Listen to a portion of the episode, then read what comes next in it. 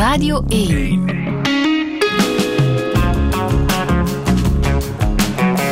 Douche. Met Friede Lesage. Touché met schrijfster Lisa Weda. Goedemorgen. Hallo. Hoe gaat het met je? Ja, het gaat uh, redelijk. Ik had afgelopen dagen twee dagen vrij voor het eerst sinds 24 februari, sinds Ja. de invasie begon. Eh, ik was een aantal dagen daarvoor ook al bij talkshows aan het praten over de rommelige situatie in de Donbass. Eh, dus ik was nu afgelopen, wanneer was het? Donderdag en vrijdag even vrij. Dat was gek. Heel Ja. leeg en eh, een beetje plek om na te denken over wat er eigenlijk allemaal in godsnaam aan de hand is. Ja. Dus. En ja, veel heeft te maken natuurlijk met jouw debuut dat hier ook ligt, Alexandra. ja. Een boek over jouw Oekraïense familie gaat in zes talen vertaald worden. In het eh, Duits, Frans, Pools, Noors, Tsjechisch en Hongaars. ja. Dat is al heel wat, hè? Ja, absurd. Het is heel leuk. Ik kreeg afgelopen week een, eh, een Instagram bericht van een oud klasgenoot die half Hongaars is. Die heeft het boek gelezen en die zei: Het is zo tof om te, te kunnen herkennen eh, wat ik in mijn jeugd heb ervaren als jong jongetje in Hongarije. En sommige dingen zijn hetzelfde. Hoe mensen, als ze iets eng vonden, hoe zijn oma bijvoorbeeld begon te fluisteren Mhm. Als, er, als ze iets wilde zeggen wat eigenlijk nog politiek of gevaarlijk was. Het was heel cool om dan aan hem te kunnen vertellen van nou, het boek gaat ook naar Hongarije en eh, Ja. dat is heel mooi. Maar Pools, dat was jouw absolute droom en dat is gelukt. Ja, ja, Polen ligt natuurlijk ook geografisch gezien naast Oekraïne. Eh, dat leek me een hele mooie stap om uiteindelijk ook het boek naar Oekraïne te krijgen, omdat die taalgebieden tegen elkaar aan liggen. En ja, Polen is een land wat zeker nu, als je kijkt naar wat er nu aan de hand is, ook het eerste land is dat de volgende bufferzone bijna lijkt te worden. Die zich ook eh, afgelopen week werden ze volgens mij werd Polen in het nieuws ineens het meest vooraanstaande Europese land genoemd. Eh, dat het meest bezig is om te zorgen dat Oekraïne sterk blijft. eh, die zich heel erg inzet daarvoor. En het is een hele grote droom inderdaad om het in het Pools vertaald te hebben. En het wordt naar Duits vertaald. En dat is het land, denk ik, in Europa waar echt nog diepgravender gelezen wordt. Waar lezers echt klaar zijn om in een boek te duiken. En niet zo bang zijn voor een boek zoals Alexandra, waarvan de vorm non-lineair is. En eh, daar kijk ik heel erg naar uit. Ja. In het Oekraïens wordt het eh, voorlopig nog niet vertaald. Zou je dat willen? Ik zou dat heel graag willen. Um, op dit moment woont er een eh, Oekraïense journaliste in mijn huis met haar dochter en een hond, Daphne, de hond, hele lieve hond. En die heeft onder andere connecties met de schrijver Sergi Zadan, een schrijver die momenteel nog in Kharkiv verblijft en daar nog elke dag updates doet van hoe het gaat in de stad. En daar helpt met een soort van hu- humanitaire konvooien, met eten brengen naar bepaalde plekken of naar mensen.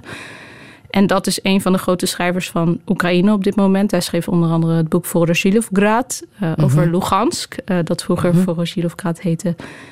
En ja, het zou heel vet zijn als er via hem op een gegeven moment iets mogelijk is. Maar dit is niet mijn prioriteit op dit moment natuurlijk in deze Ja, ja. grote bak ellende om te zorgen dat het uh, naar het Oekraïens wordt vertaald. Maar uiteindelijk zou dat heel, heel mooi zijn. ja. Russisch, is dat een optie voor jou? Ja, doe maar. Maar Lijkt dat is met gevolgen.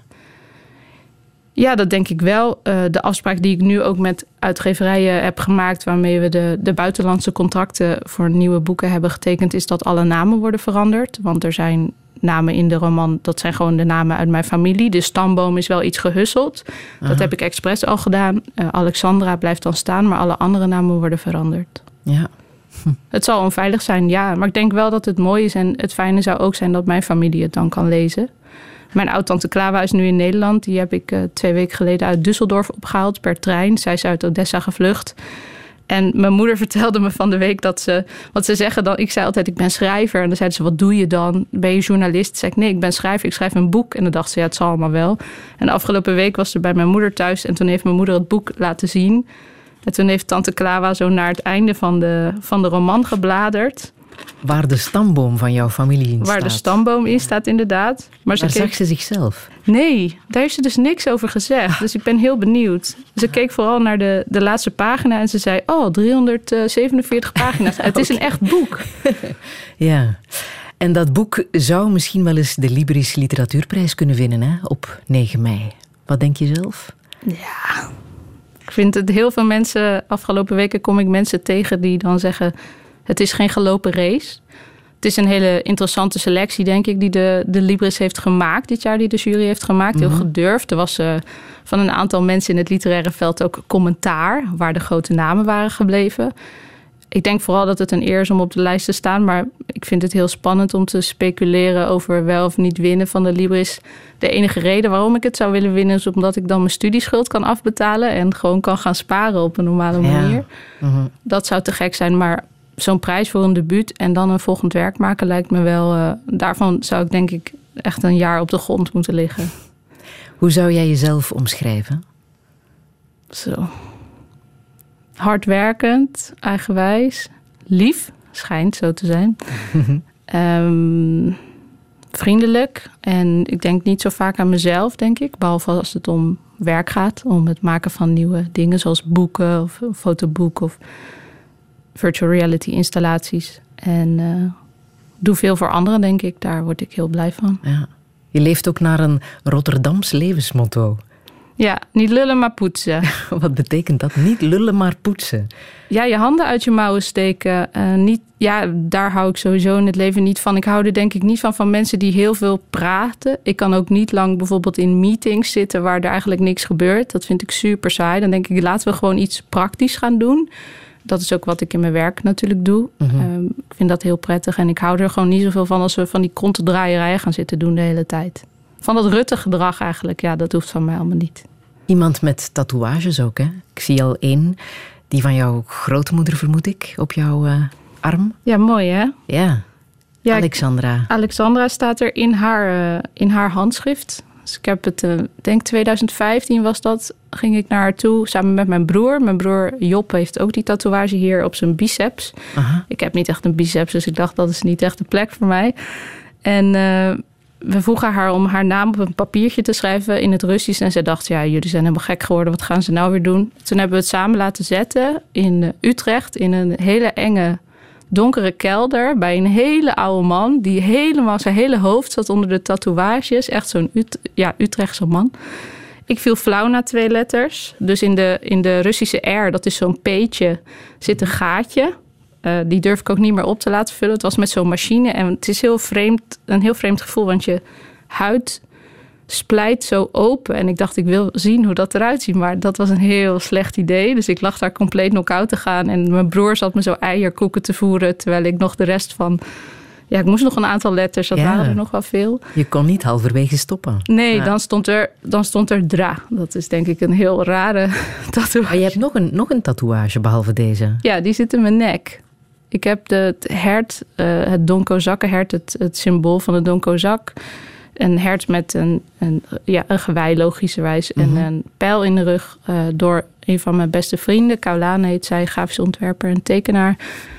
Uh, laten stick en poken. Dus dat is een, uh, ja, een soort pennetje met daarin een klein naaldje. heeft zij dat hert ter afsluiting van het hele proces van de roman in mijn nek getatoeëerd. Daar ben ik niet flauw gevallen. Dat was allemaal prima. Dat kon je niet zien natuurlijk. Nee, je hoort het wel. Je hoort echt zo plonk, plonk, plonk. En dan drie rondjes lang. Lisa Veda, welkom in Touché.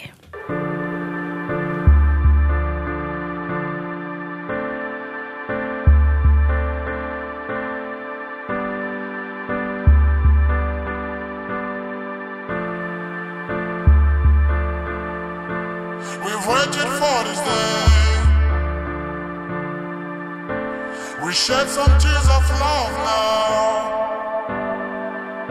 like a desert in the rain. When some of the dead are waking up, mm, yeah. There's nobody like my mom. There's no place like my home since I was born. When I was young, the flavor is so strong. I've missed it so long, yeah.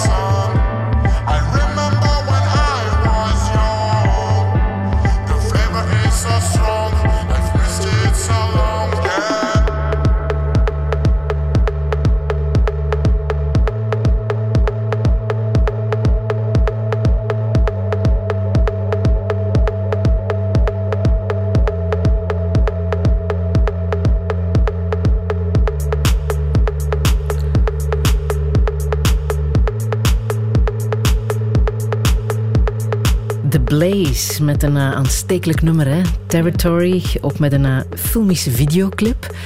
Lisa Veda, heb je dit gekozen omdat het voor jou heel erg herkenbaar is? Ja, wat is... in dat uh, verhaal gebeurt.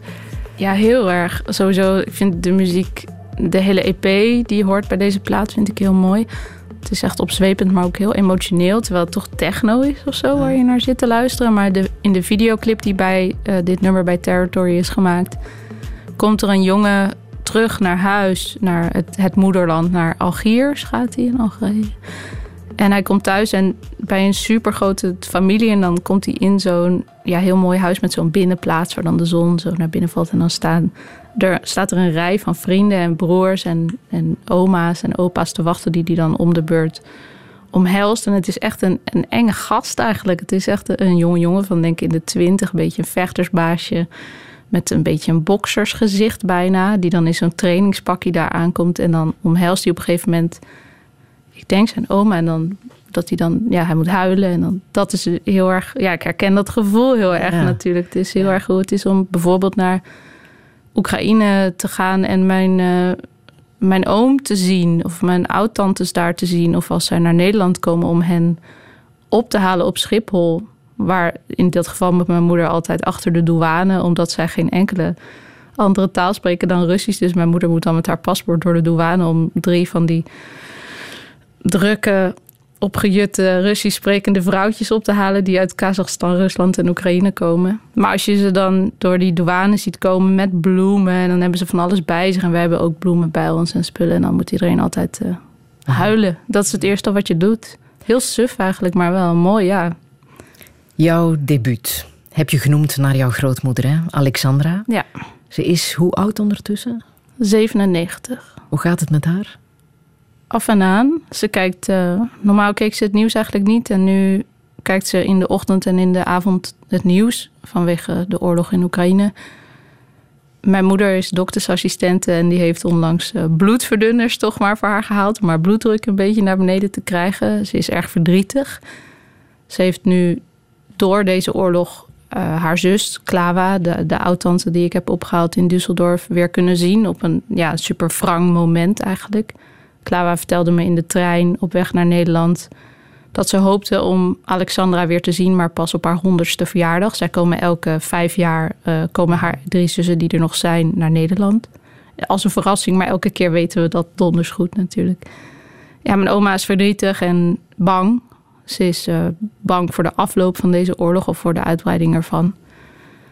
En ja, het is de zoveelste keer dat haar land in een verschrikkelijke situatie verkeerd. Zij is in 1924 geboren.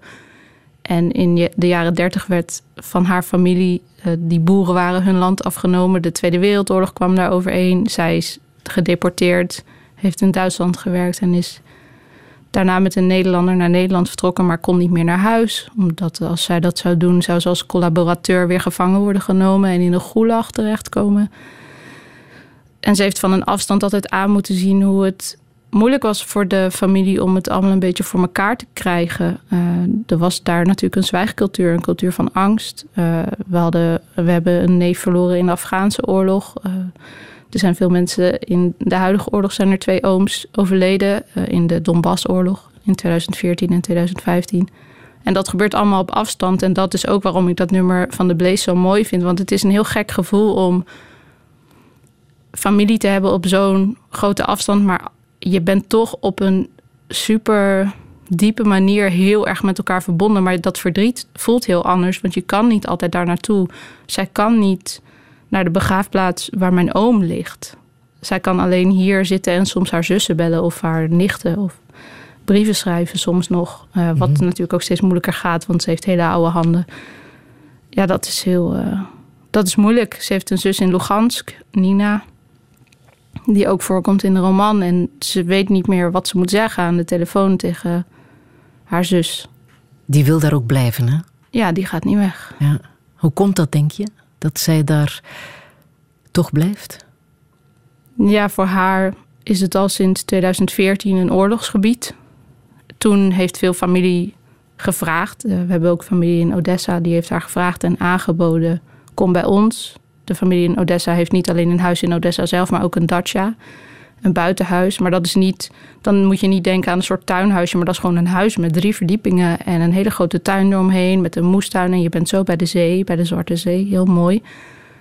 En dat hebben ze een tijdje geprobeerd. In 2014, in de zomer, is het huis van Nina gebombardeerd. Zij was gelukkig in Nederland. Mijn oma werd toen, even denken, 90.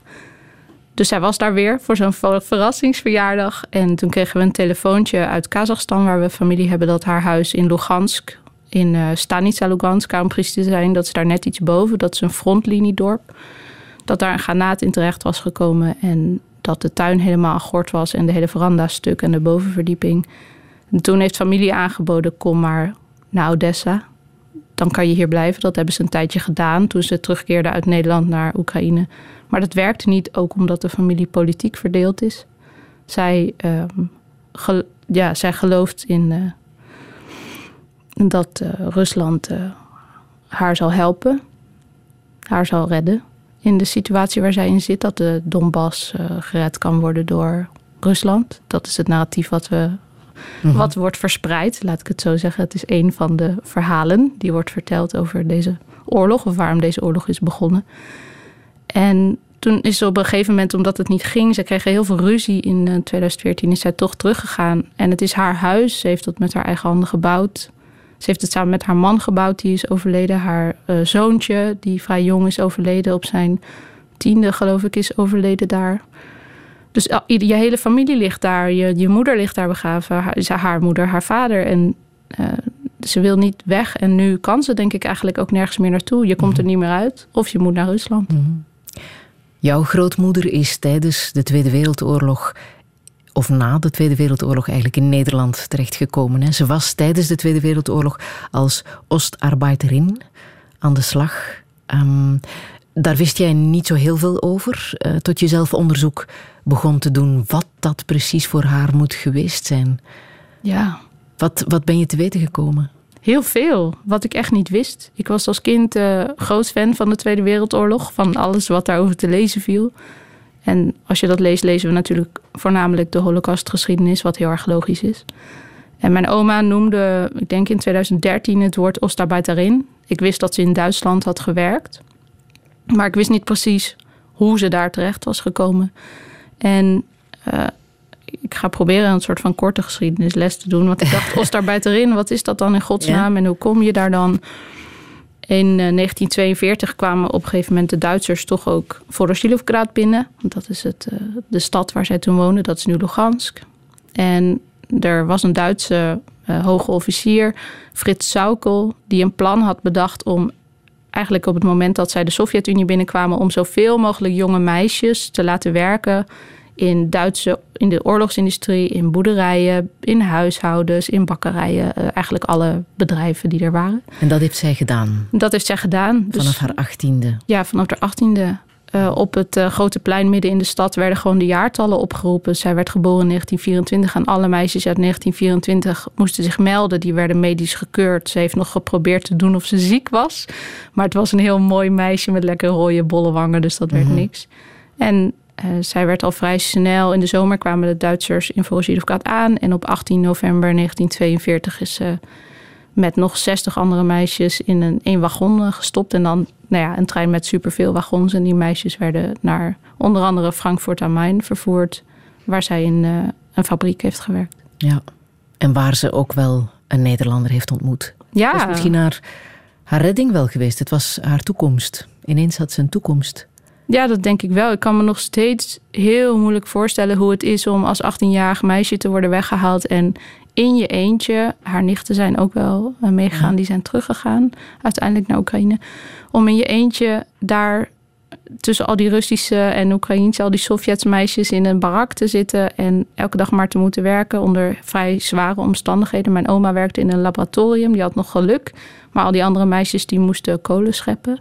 Dat was heel zwaar werk. En op een gegeven moment kwamen er inderdaad uh, naast hun uh, barak, dus had dan wel heel veel prikkeldraad, dus kwamen er vreemdarbeiter bij. Je had ostarbeiter, vreemdarbeiter.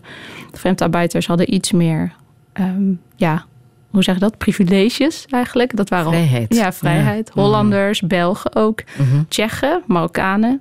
En uh, tijdens het schuilen in de schuilkelders of bij het elkaar passeren kwamen ze elkaar tegen. En toen hebben ze, heeft ze het nog voor elkaar weten te krijgen om in oorlogstijd met uh, die jonge Koos heette hij, uh, seks te hebben en een kind te krijgen. Dus mijn oudste oom, die inmiddels is overleden, is geboren in oorlogstijd in Duitsland, Peter. En dat was denk ik nog meer een, niet als een soort van opportun ticket, maar het was wel een mogelijkheid om naar Nederland te vertrekken. Zij waren getrouwd en uh, zij is met hem in Den Haag uh, gaan wonen. En zo ben jij er ook gekomen. Hè? Ja, klopt.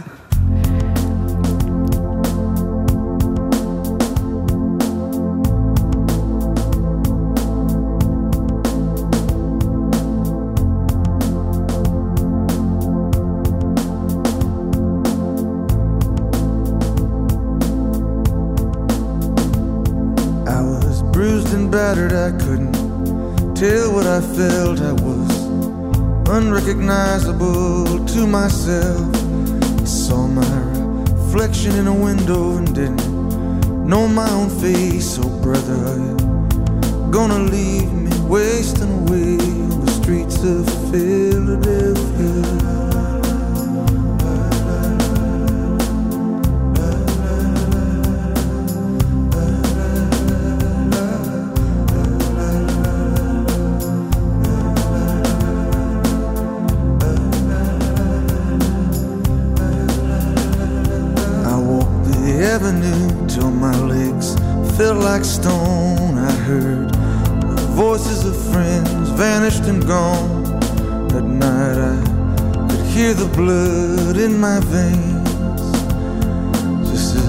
And whispering as the rain on the streets of Philadelphia.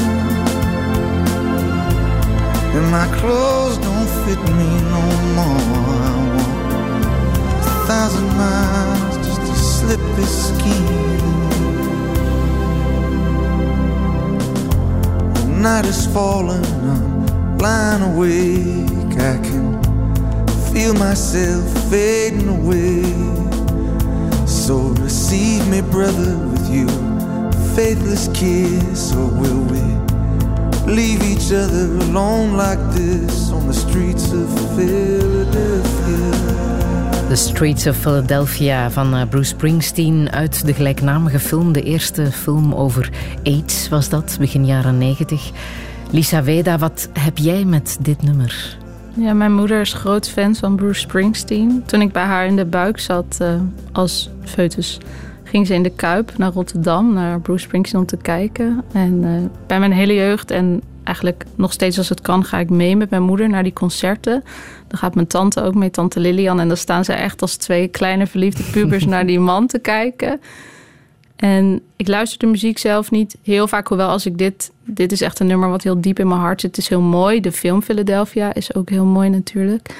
Maar ja, er is iets magisch aan die shows van, van Bruce Springsteen. Hij kan gewoon een show wegzetten van drie uur... met een gigantische band op een podium. En hij, die band kent alle muziek, dus het publiek neemt van die kartonnen uh, ja, ja, stukken karton mee met daarop de titels van nummers. En dan pakt hij er gewoon in en zegt: Ja, gaan we dit even doen? En dan gaan ze dat spelen. Mm. Het is één groot feest en heel emotioneel. En echt een, echt een ras-performer. Een enorme, ja, echt fantastisch om te zien. Jouw moeder is de dochter van Alexandra. Hè? Ja. ja. In hoeverre, want zij is ook in Nederland uh, geboren en opgegroeid, in hoeverre heeft die Oekraïense familiegeschiedenis haar bezig gehouden? Hmm, zij is het eerste, toen mijn oma voor het eerst terugging naar, naar Oekraïne in 1973, dus 31 mhm. jaar nadat zij is weggehaald, was mijn moeder degene die meeging als enige. En ik denk dat dat haar heel erg heeft gevormd. Ze was 16. Er zijn hele leuke foto's waar ze dan met zo'n zagrijnig pubergezicht uh, in zo'n super grote familiefoto staat. Dus allemaal van die oud-tantes met van die mooie bloemenjurk aan. Eh, mijn moeder heeft zichzelf de taal geleerd. Die heeft taalkursussen gedaan. Ehm, en die heeft ook een goede band met de familie. Die is vaak ook naar Kazachstan gereisd. En voel je een soort Oekraïense mentaliteit bij, bij jouw moeder op een of andere manier? Nou, ja, dat, ik denk wel het familiaire zit er wel heel erg in dat je best bereid bent om veel voor je familie te doen en veel voor je familie te zorgen. Ehm, vroeger droomden we, denk ik, zowel mijn moeder als ik, van een huis waarin je uiteindelijk, uh, waarin mijn oma ook deel zou kunnen worden van het huishouden als ze ouder zou worden. Dat hoort denk ik heel erg bij mm. het hebben van een Oekraïnse familie. In gemiddeld Nederlands gezin zet je je oude moeder in een bejaardenhuis en dan zoekt ze het maar uit. Ik denk dat dat er onderdeel van is. En altijd, iedereen is altijd welkom. Er is altijd wat te eten. Je mag altijd komen. Je mag altijd blijven. Uh, we zijn niet heel star met etenstijden of met hoeveel plek er is voor iemand aan tafel. Ik denk dat dat een groot onderdeel van is. En goed kunnen drinken. Ik denk dat, dat, uh, dat ze dat ook wel kan. Inmiddels uh, doet ze dat in zeker mindere mate. We zijn geen alcoholist hoor, maar meer. Er kan wel gefeest en gedronken worden, ja. Met vodka. Zeker, met vodka. Ja. Doet jouw vader dan mee? ja, mijn ouders zijn gescheiden, maar mijn vader die is slavist. Mijn vader is een Nederlander en die heeft Slavische talen gestudeerd. Dus die heeft een soort ja, liefde voor de, de literatuur vooral en voor de cultuur. En ze hebben elkaar toevallig ontmoet toen hij nog bezig was met studeren. En heb je de liefde voor literatuur van hem mee? Heel erg. Ja, hij heeft dat gewoon door mijn strot geduwd. Heel erg lang. Ja. Hoe erg was dat? Ik moest, uh, ik zat op mijn twaalfde de donkere kamer van Damocles te lezen van uh, Willem Frederik Hermans. Ik had geen idee waar dat over ging. Het was een soort van gekke thriller over een man die volgens mij een treinkaartje kwijtraakt en een, en een paar foto's of zo. En ik vond dat heel spannend en leuk, maar ik snapte helemaal niet waar dat over ging. Maar hij heeft inderdaad wel de liefde voor de literatuur heel erg uh, ja, naar binnen geduwd op een goede manier. We werden veel voorgelezen als kinderen. Uh, daar hield ik heel erg van. En verhalen vertellen ook. Nochtans was je een heel sportief kind. Hè? Je had ook een heel andere carrière kunnen maken. Ja, ik. ja, ik wilde heel graag profvoetballer worden. Ja. Ik heb, als, ja, ik heb één blauw jaar in mijn, in mijn jeugd gekorfbald. Omdat iedereen bij mij op school korfbal deed. En uh, ik dacht dat is. Nou, ik vond dat helemaal niks. Maar dat stomme mandje en die gekke huppeltjes die je dan moet doen om die bal in die, in die korf te krijgen. En naast het korfbalveld was een voetbalveld. Elf uh, van Eendracht brengt ons hoger. Zo heette die vereniging. Elf boeren op hol in de volksmond. En toen ben ik daar gaan voetballen vanaf mijn tiende uh, in een jongensteam. Dat vond ik ontzettend leuk. Ik hou heel erg van de, de sport. Ik hou heel erg van er naar kijken. En hoe goed was je? Nou ja, ik werd geselecteerd voor de, de regionale, de, de provinciale KNVB-selectie. Dus uh, de Nederlandse selectie. Maar dat gaat dan nog per regio als je jong bent. Ik was vijf dagen per week aan het trainen daar. En uh, ook nog bij mijn eigen voetbalvereniging. En ik, ja, ik hield daarvan. Ik denk, je vroeg wat voor iemand ben je. Ik ben heel perfectionistisch. Dat is daar denk ik begonnen. Ik ging, als ik trainde met die jongens op eh, woensdag was dat dan.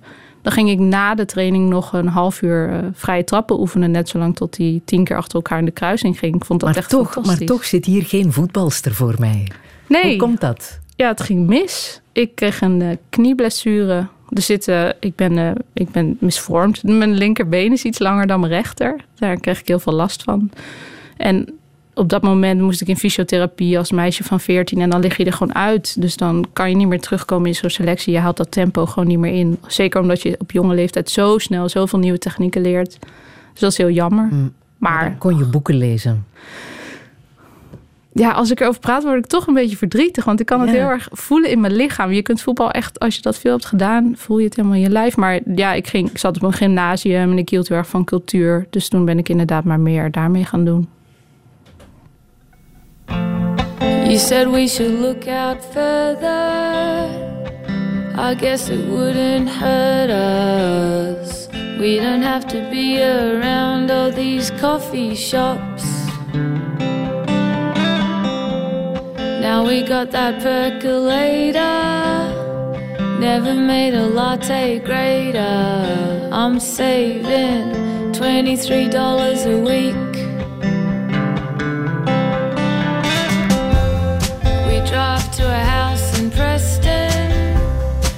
See police arresting a man with his hand in a bag.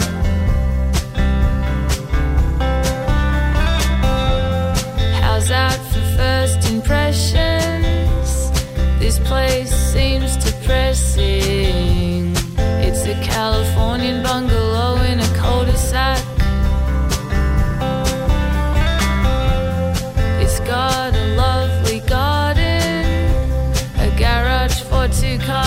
talking, or a lot of room for storage if you've just got one.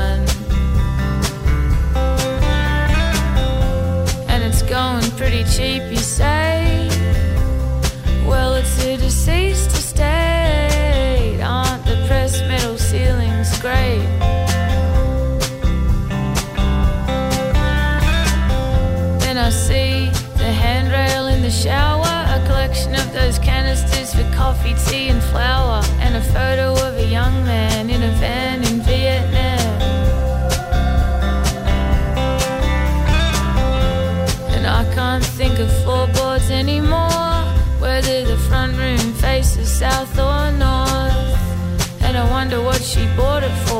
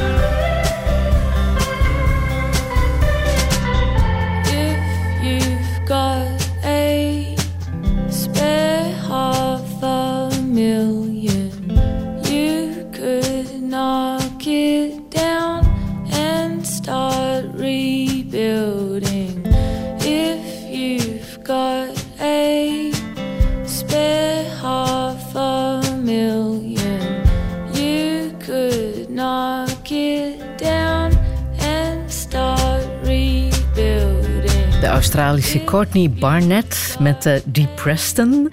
Lisa Veda, jij zit hier te genieten met een big smile op je gezicht. Het is ook wel grappig natuurlijk wat ze zingt. hè. Een grappig nummer.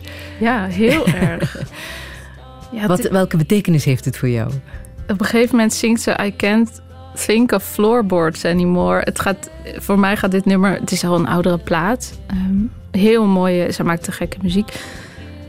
Maar het gaat heel erg over mijn generatie, denk ik. Dit gaat over twee mensen die ergens heen rijden om een huis te kopen. En het is een lelijk huis van oude mensen met allemaal troep erin. En dat moet er dan allemaal uit. En die laatste, ja, de soort van die refreinregels.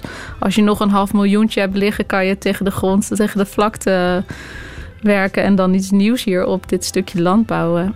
Eh, ja, zij geeft gewoon heel leuk commentaar op wat het is om iemand van onze leeftijd te zijn in deze wereld. En de manier, ze heeft zo'n laconieke stem en het lijkt alsof het allemaal gereed boeit, maar juist is het, ja, daardoor wordt het des te realistischer of zo. Ik vind dat echt heel leuk. Heb jij een goed dak boven je hoofd? Nu wel, ja. Nu wel, zeg je. Het is ooit anders geweest. Ja, het was een tijdje wel heel anders inderdaad. Ik, eh, ja, ik studeerde af in 2015. En in de laatste, in, in de laatste drie maanden eh, kwam ik er, stopte opeens mijn OV. Dat is het openbaar vervoer studenten-OV heb je dan. Dan mag je gratis met het OV reizen.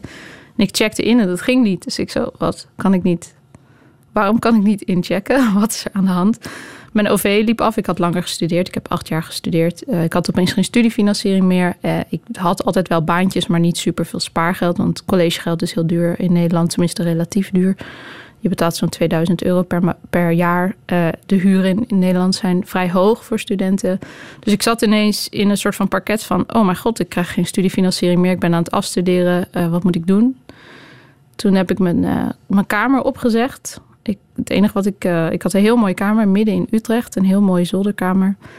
Ik heb alleen mijn bed meegenomen en mijn schrijfbureau. Dat is een oud, houten, lelijk, verschrikkelijk schrijfbureau... met een verfvlek erop. En mijn benen passen net tussen het laadje... en eh, aan de rechterkant en aan de linkerkant de tafelpoot. De rest heb ik allemaal weggegeven aan een vrouw... die eh, in een soort blijf van mijn lijfhuis daar net uit was. Die heeft allemaal spullen meegenomen en overgenomen. Toen had ik drie maanden geen huis, want ik had geen geld. Ik had niet genoeg. Dus je was dakloos. Ik was dakloos, ja. Hoe heb je dat gedaan? Ja, mijn moeder zei: Kom maar terug naar huis. Toen dacht ik: Nee, dat ga ik niet doen. Mijn, ja, dat vond, ik, dat vond ik geen goed idee. Dus ik heb toen bij vrienden gewoond. Ik heb om de, om de maand ergens anders, eh, ben, ik- heb ik ergens anders verbleven. Dat was heel intens. Ik had alleen eh, dus dat bed bij me. En dat broodje stond daar dan een beetje knullig naast. En ik lag eh, bij twee hele goede vrienden van mij in een, uh, ja, in een soort storagekamer. Waar ze nog niet helemaal klaar waren. Er stond ook nog een, een deur tegen de muur. Die nog ergens in een van de. ergens in het, in het huis in een, uh, in een deurkozijn moest worden geplaatst. Die deur is een keer op me gevallen toen ik aan het slapen was. En ik ben bij een andere vriend, uh, ook in Utrecht, heb ik ook een tijdje gewoond. En dan betaalde ik een beetje huur. Ik werkte 32 uur in de week. Dus ik had meteen een veel grotere baan erbij gezocht met meer uren. En tegelijkertijd probeerde ik af te studeren, wat natuurlijk helemaal niet ging. Dat sloeg helemaal nergens op, was veel te druk. Maar toch heel confronterend, denk ik. Hè? Wat heb je daaruit geleerd, uit, uit die periode? Ja, dat je eigenlijk, uh, dat klinkt natuurlijk zo, oh, ik heb een prachtige les geleerd, maar was wel zo. Je kunt, ik kan overal werken, ik kan overal schrijven, ik kan overal uh, werk maken. het fijne aan schrijver zijn is dat je niet meer nodig hebt dan een laptop natuurlijk. En uh, mensen zijn er voor je, dat is denk ik mooi. En Omgekeerd zou ik uh, altijd hetzelfde doen. Dat vond ik een mooie les. En ja, wat is het? Ja, jeetje, wat een goede vraag. Dat ik klaar ben om te werken voor alles wat ik, uh, wat ik wil krijgen eigenlijk. Ja, dat klinkt een beetje... Dat hard werken ook niet altijd alles geeft wat je, wat je nodig hebt. Blijkbaar. Want nee. je was hard aan het werken voor jouw studies.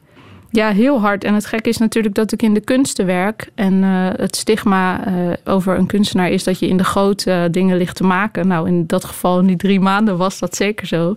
Ik lag er helemaal uit en ik had niet genoeg geld en het ging helemaal niet goed. maar ik ben nu ik heb de, de jaren daarna bedoel ik, heb ik super hard gewerkt, zeven dagen per week, om voor een gemiddelde kunstenaarsfee. Want als je jong bent en je bent schrijver, je gaat optreden, dan zegt iemand: Wil je komen optreden voor 150 euro? Terwijl je maakt vaak werk maandenlang. En 150 euro voor een dag, dat is eigenlijk heel weinig.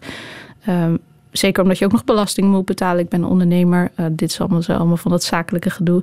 Ik was echt bezig met zorgen van in ieder geval 2000 euro per maand bij elkaar te sprokkelen. Om, uh, ik had inmiddels een huis gevonden. Ik deelde de huur met een vriend.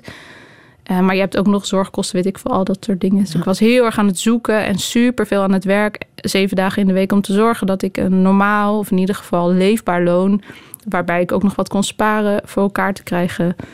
Maar dat, ja, dat trekt wel een wissel op je leven. Want je bent echt, ik was echt alleen maar bezig met werk. En tegelijkertijd kreeg ik daardoor een soort van, ja, erg millennial, maar een burn-out. Ik was moe, ik had paniekaanvallen, ik sliep slecht. Uh, maar kon niet stoppen. Want ik heb geen, als, als ZZP'er in de kunsten, je kunt in een broodfonds, dat is een soort verzekeringsfonds waar allerlei kunstenaars dan in zitten. En die leveren elke maand wat in en dan dek je elkaar eigenlijk. Dus als je dan ziek wordt, kun je een bepaalde periode eruit zijn. En dan uh, heb je bijvoorbeeld iets van 1700 euro per maand wat je dan krijgt. Maar ik zat daar nog niet in. Dus ik was bezig, omdat ik dat niet kon betalen. Het was te duur om uh, bij te dragen aan een broodfonds. Maar mensen blijven raar kijken hè? als een kunstenaar zegt: Ja, ik wil hier ook wel geld mee verdienen. Als ja. een kunstenaar zijn, uh, zijn werk wat zakelijk aanpakt, wat jij heel erg doet, ook nu met het boek en terecht natuurlijk, dat je je afvraagt en hoeveel verdient dat, hoeveel brengt dat op? Ja, ik vind het heel. Uh, ja, wat ik vooral merkte toen de pandemie eigenlijk begon, is dat heel veel kunstenaars in paniek raakten. Want een groot deel van de verdiensten van een kunstenaar, zeker als je kijkt naar muzikanten, maar ook naar schrijvers zoals ik, of bijvoorbeeld een vriend van mij, Joost Ome, die heel veel optreedt. Dat is je inkomsten. Je moet het niet hebben van een boek even voor de luisteraar, dit boek kost 23, 23 euro. Ik krijg 10% hiervan. Dat is geen reet. Dat is 2,30 euro. Dan moet je al heel veel boeken moet je verkopen heel om veel. ervan te kunnen leven. En je hebt acht jaar aan dat boek gewerkt. Precies, dus, dus reken, maar uit. Maar uit. Ja. Dat is niet te doen. En sommige mensen denken bijvoorbeeld dat ik in dienst ben bij de uitgeverij. niet. Nee, dat is allemaal niet zo. Dus je bent zo erg aan het zoeken naar hoe je geld kan verdienen om tijd mee te kopen, om vervolgens in die tijd kunst te maken waar je hopelijk iets mee verdient, waarmee je daarna weer je volgende project kan financieren. Mm. En dat is echt een soort taboe om over te praten. Ik kwam bij, bij vrienden toen mijn boek uitkwam, die ook schrijver zijn, om te vragen hoeveel exemplaren heb je nou verkocht? Wat is normaal? Niemand wilde me iets vertellen. Toen ben ik naar de uitgeverij gegaan en heb ik gezegd: jongens, hoe, hoeveel, een goed debuut, hoeveel verkoopt dat nou? Dan gingen ze dan een beetje zo, nou, nou ja, we willen je niet bang maken, maar een goed debuut verkoopt 2000 exemplaren. Nou, reken de 2000 keer 2,30 euro. Ik kan niet heel slecht rekenen. Dat is dus wel echt een kunstenaarseigenschap volgens mij. dat is helemaal maar niks. dat is niks. Nee, Nee. dat is niks. Dus het is heel goed om daarover te blijven praten. Want hoe langer het een taboe wordt, hoe moeilijker het ook wordt om te durven bedragen te vragen voor al die uren tijd die je hebt gestoken in het Mhm. maken van een werk. Ja. En ook blij te zijn dat er literaire prijzen bestaan, waar jij nu voor genomineerd bent, hè, voor de Libris Literatuurprijs. Weet je hoeveel de Nobelprijs eh, waard is? Nee, weet Zou jij ik dat ook wel? even moeten opzoeken. Ik denk veel. En het is allicht jouw grote voorbeeld heel erg gegund. Svetlana Alexievich, als ik dat goed uitspreek. Ja. Eh, geboren in Oekraïne, opgegroeid in eh, Wit-Rusland. Zij is een heel groot voorbeeld voor jou, hè? Ja, heel groot voorbeeld. En inderdaad, de Nobelprijswinnaar. Zij is een, ja, ze werkt eigenlijk als journaliste. Ze, heel veel van haar boeken. Ze heeft een boek geschreven over Tsjernobyl, over kinderen in de Tweede Wereldoorlog uit de Sovjet-Unie. Ze heeft een mooi boek gemaakt over de val van de Sovjet-Unie. En ehm, over, het is een boek dat heet De Oorlog heeft geen vrouwengezicht. Over de rol van vrouwen in de Tweede Wereldoorlog. Wat iedereen zou moeten lezen. Het is magnifiek. Het is zo goed gedaan. En wat zij doet is spreken met mensen over bepaalde gebeurtenissen, dat opnemen en al die monologen eigenlijk van al die mensen die zij interviewt, daarvan maakt zij boeken. Dus zij monteert wat mensen haar vertellen achter elkaar om zo een groter beeld te scheppen van een bepaalde gebeurtenis. En ze doet dat onder andere ook in het boek eh Zinkjongens, wat gaat over de Afghaanse oorlog, de oorlog tussen de Sovjet-Unie en Afghanistan, die van 1979 tot 89 duurde en eigenlijk helemaal nergens op sloeg. Niemand in de Sovjet-Unie wist wat de missie was. Precies. En er kwamen allemaal jongens in zinken kisten terug naar huis. En die moeders wisten helemaal niet wat er nou eigenlijk met hun zoons gebeurd was.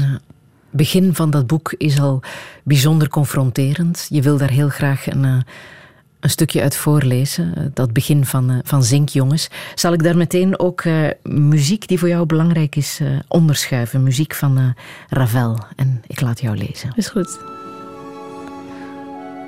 Ik ga mijn weg alleen en ben nog lang niet klaar. Mijn zoon heeft iemand vermoord met mijn keukenbel toen hij terug was uit Afghanistan. Ochtends heeft hij die bel weer in mijn keukenkast teruggelegd. Volgens mij heb ik diezelfde dag nog carbonaatjes voor hem gebraden. Een tijdje later meldden de televisie en de krant dat vissers een stuk gehakt lijk uit de gemeenteplas hadden opgehaald. Toen belde een vriendin me. Heb je dat gehoord van die moord? Vakwerk, zeggen ze. Typisch Afghaans. Mijn zoon lag thuis op de bank een boek te lezen. Ik wist nog niets. Ik vermoedde niets. Maar moest toch even naar hem kijken. Met mijn moederhart. Hoort u die honden blaffen? Nee. Zodra ik erover begin, hoor ik ze. Rennende honden. In zijn gevangenis lopen van die grote zwarte herders rond. Iedereen loopt daar in het zwart trouwens. Als ik in Minsk over straat loop, langs de bakker en de kleuterschool met het brood en melk, hoor ik ze blaffen. Oorverdovend. Het wordt me zwart voor ogen. Ik kwam een keer haast onder een auto. Als mijn zoon dood was, zou ik naast hem gaan zitten op zijn graf. Nu weet ik het niet. Ik weet niet hoe ik ermee moet leven. Soms word ik bang van dat keukenkastje. Hoort u de honden? Hoort u niks? Nee? Ik weet niet hoe mijn zoon nu is en hoe ik hem over 15 jaar terugkrijg. Hij kreeg 15 jaar zwaar regime. Hoe ik hem heb opgevoed? Hij was dol op stijldansen. We zijn samen in Leningrad naar de Hermitage geweest en we hebben samen boeken gelezen. Afghanistan heeft me mijn zoon afgepakt.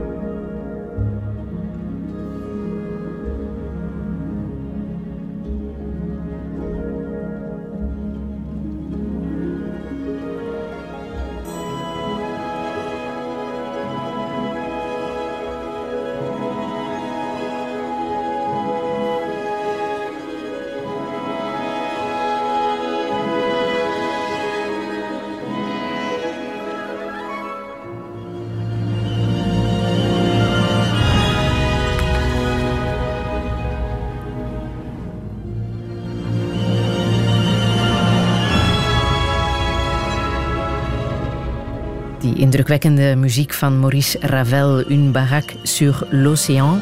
Une barque, liever, sur l'océan.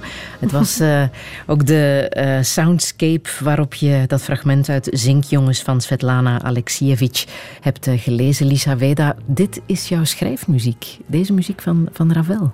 Ja, zeker bij het schrijven van scènes luister ik heel veel klassieke muziek. En dit is een nummer doordat het zo... Ja, het golft natuurlijk. Ja. zo het hoort ook bij de titel je gaat erin en eruit en erin en eruit. En daardoor komt er een soort stuwend. Er zit heel erg een soort stuwende vorm, een soort stuwend tempo in de. In de ja, niet tempo, maar klank in die muziek. En dat werkt heel goed als je op zoek bent naar een soort spanning om te kunnen blijven schrijven. Er is ook een, volgens mij is dat Max Richter die de vier seizoenen opnieuw heeft gemaakt. Dat is ook een plaat die ik super veel heb geluisterd tijdens het schrijven. En bij het editen komt er meer van dat soort muziek zoals Territory uit het begin. Dan, komt er, dan heb ik dik techno nodig. En dan zit ik echt alleen maar te hakken en weg te bijtelen. Om te zorgen dat alles strak staat. Kan kunst jou ook inspireren? Je stuurde mij een... Uh, ja, het is niet echt een boek, het is eerder een kunstwerk. Hè? The Holy Bible van um, Adam Broomberg en Oliver Chanarin door. Een heel bijzonder werk is dat. Gebaseerd op de Bijbel. Ja, het is een fantastisch werk. Ik zag het ooit in Huis Marseille in Amsterdam, een uh, heel mooi museum. Um, het is de Bijbel. Het is letterlijk de Bijbel. En wat ze hebben gedaan is zinnen, uh, ja, een soort van leidende zinnen. Ik kan er zo gauw geen eentje noemen, maar we weten natuurlijk allemaal wat er in de Bijbel ongeveer staat. Moet dan kijk ik zeker niet naar mezelf, want ik lees de Bijbel nooit. Behalve in dit geval. Er zijn zinnen onderstreept, bijvoorbeeld: Gij zult niet doden. Of allemaal dat soort typische zinnen die horen daarbij. En wat ze hebben gedaan is uh, dat dan rood onderstreept zo'n zinnetje. En op de pagina ernaast, boven over, uh, ja, over de, de zinnen heen, eigenlijk is een, zijn foto's geplakt. Maar dan echt hele bizarre foto's van een, een foto waar twee jongens in een uh, weermachtuniform tegen elkaar aan liggen te slapen in een trein. Bijvoorbeeld. En dan zie je natuurlijk dat hakenkruis symbool op hun mouw staan. Een kleine een baby met een kamikaze tulbandje om zijn hoofd. Uh, een kernontploffing. Uh, daardoor wordt, zetten ze die Bijbel eigenlijk in een heel nieuw register, in een heel nieuwe wereld waar we prediken natuurlijk altijd allerlei dingen aan elkaar van het moet beter of je heb je naast de lief, maar de werkelijke wereld is niet zo. De, de wereld is heel banaal en gruwelijk en mensen doen gruwelijke dingen en door juist in de Holy Bible ja, bijna blasfemie is het natuurlijk wat ze aan het doen zijn. Het is een enorme uitdaging. Zij zoeken heel erg naar dit soort grenzen in hun werk. Ik vond dat een enorm inspirerend werk om te zien. Ja. Um, de graphic novel van uh, Art Spiegelman heb je ook uh, gelezen. Maus 1 en 2. Dat is op zich eigenlijk ook een kunstwerk. Hè? Wat die man heeft gedaan met het Holocaustverhaal. Indrukwekkend hoe hij dat heeft vertaald. Ja, ik vond het te gek. Ik moest dat lezen tijdens mijn studie. Uh, tijdens creative writing aan Artes, waar ik studeerde. Waar ik uh, schrijver werd, om het even zo te noemen. En hij vraagt zijn vader, die er eigenlijk niet over wil spreken... over zijn holocaustverhaal. Uh, zijn vader komt uit Polen, uit een Joodse familie. Ze wonen inmiddels in Amerika. Hij heeft volgens mij echt meer dan tien jaar gedaan over dit boek. En het toffe aan het boek is dat in het begin... hij, hij trekt je op een soort hele spannende manier die graphic novel in. Het is getekend en hij tekent de Joden als muizen, eh, de, de Duitsers als katten en de Polen als varkens.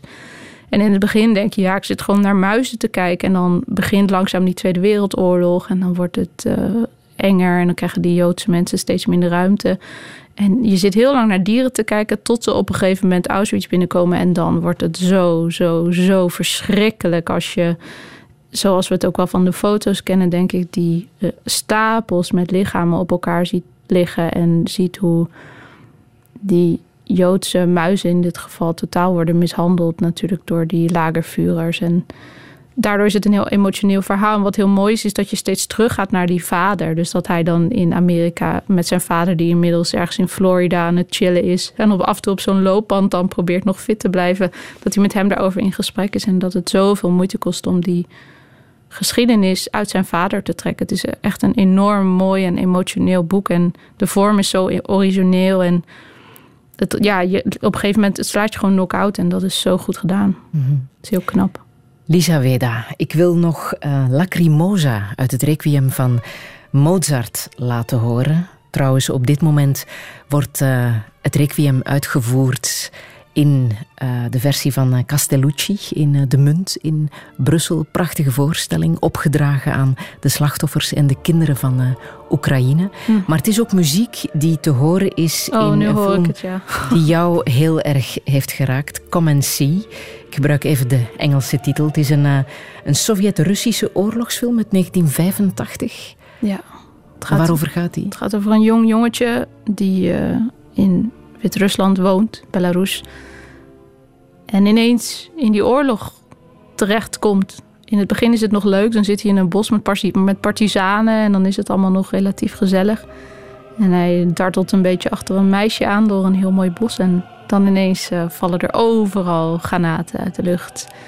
En hij is inmiddels wel zijn huis al ontvlucht. En hij, je, gaat gewoon achter hem aan in een soort zoektocht door die totale chaos van wat er is aangericht in uh, Belarus in de Tweede Wereldoorlog. En het is gruwelijk. En die jongen heeft zulke blauwe ogen en die heeft zo'n indringende kop heeft hij. En je ziet die Duitsers totaal huishouden in, uh, in die dorpen. Op een gegeven moment gaat hij dan eten in, een, in zijn ouderlijk huis en dan loopt hij weer naar buiten omdat al het eten bedorven is. En hij heeft de hele tijd een meisje bij zich. En dan lopen ze de hoek om van een huis richting een moeras. En dan zie je de camera draaien en dan liggen er tegen de muur van het huis stapels en stapels met lijken. Die hij dan niet ziet. Het is een gruwelijke manier om door de ogen van een heel jong kind eigenlijk die oorlog te zien.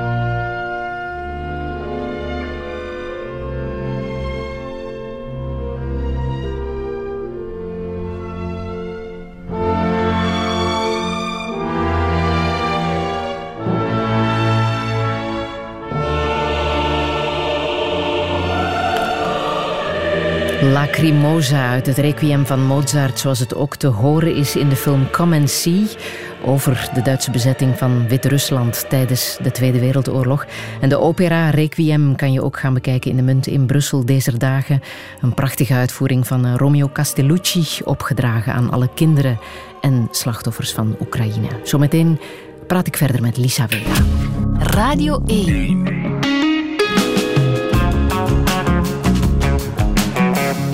Touché. Met Friede Lesage. Touché met schrijfster Lisa Veda. Acht jaar geleden besloot ze de deportatiereis van haar grootmoeder helemaal over te doen. Van het Duitse Griesheim tot het Oekraïense Lugansk. Een reis die haar inspireerde voor haar indrukwekkende familieroman Alexandra. Lisa omschrijft zichzelf als enthousiast, monter en serieus. Soms iets te prestatiegedreven, waarmee ze haar gezondheid al eerder in de problemen bracht. Maar hoe moet het verder? Hoe kijkt zij als millennial tegen de wereld aan? Is praten over mentale gezondheid een hype? En keert ze ooit nog terug naar Oekraïne? Dit is Touché met Lisa Veda. Hey Europa, ça va bien? Ben je nog wakker? Heb je de grens op slot gedaan? Gordijnen dichtgetrokken, je favo-serie aangezet?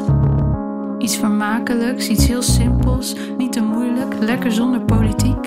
Je hebt een beetje bloed in je mondhoek, wil je wat extra desinfect? Is de zee al schoongespoeld? Heb je de baby alweer God gemaakt?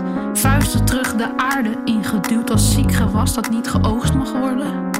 Hey, jij bent onlekker toch? Eerlijke vinder, de kleuter die de toys niet deelt. Zeg je stelen straks op clown? Je bedoelt grijpen, Urbi et Orbi. Hey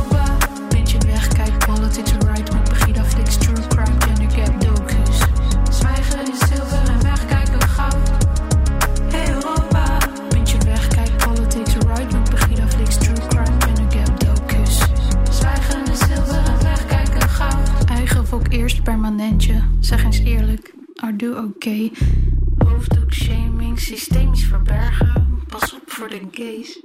Spoel het bloed van je handen in grenswater waar de mens aanspoelt op de rand. Doe ze pon. Duw de lichamen opzij. Verwijder de vlekken, zeg. Welkom in het bordeel voor welvarende hoerenlopers. Zeg, hier is het vol. Want dit is helaas de plek waar racisme verward wordt met vrijheid de zee die maar mensen blijft spugen en spugen en spugen. Die steeds vaker twijfelt of het jou niet op moet slokken en moet laten verdwijnen. Kijk om je heen en fluister. Ons Europees tapijt is groot genoeg om alles onder te vegen. Er zijn zoveel ruimtes waarvan alles in kan verdwijnen. Onder kilo's van kul en verdragen, kijk om je heen. Dit is het toch? De beschaving is hier.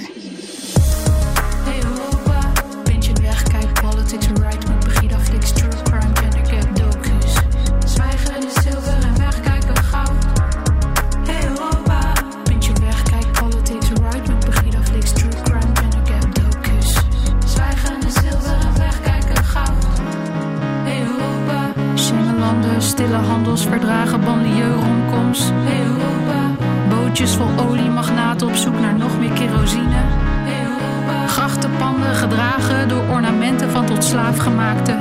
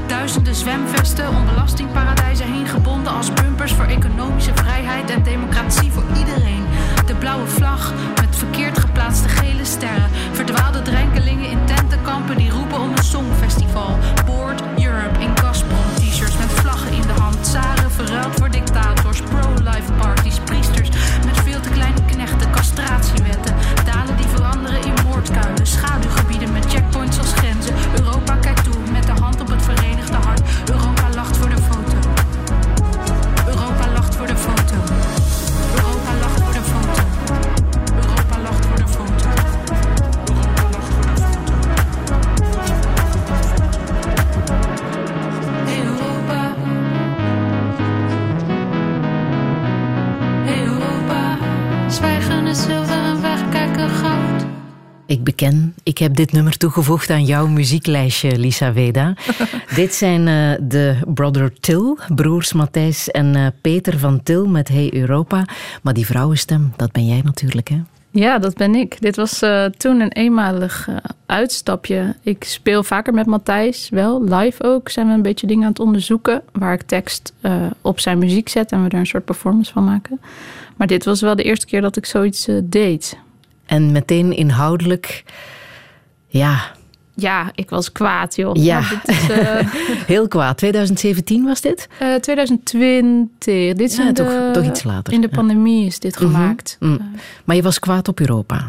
Ja, dat ben ik al een tijdje. Ik ben, eh, dat klinkt natuurlijk heel groot en dit is een veel genuanceerder iets als je er met mij over gaat praten in een café.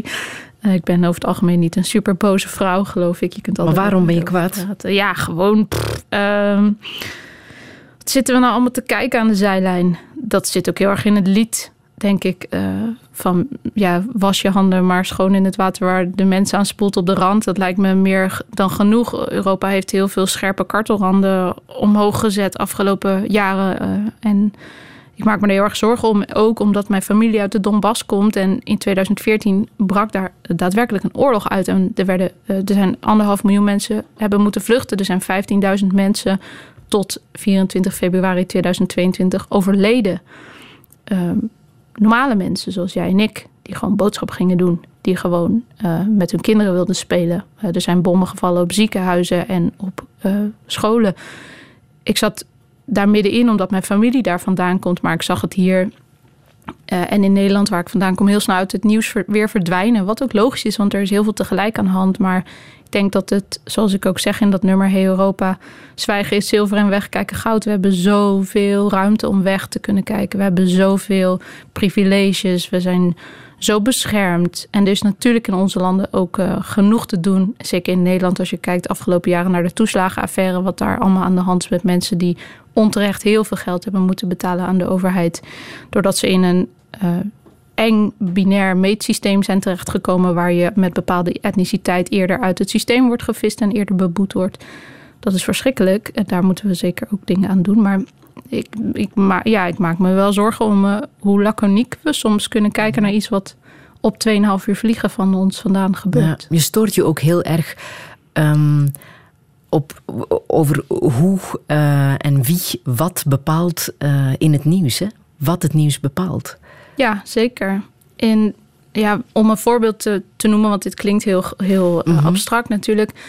In 2014, dat vertelde ik net al, was mijn tante Nina in Nederland. Zij was op visite. Zij kwam in augustus. Mijn oma's jarig op 1 september. In uh, juli dat jaar, 17 juli als ik me niet vergis...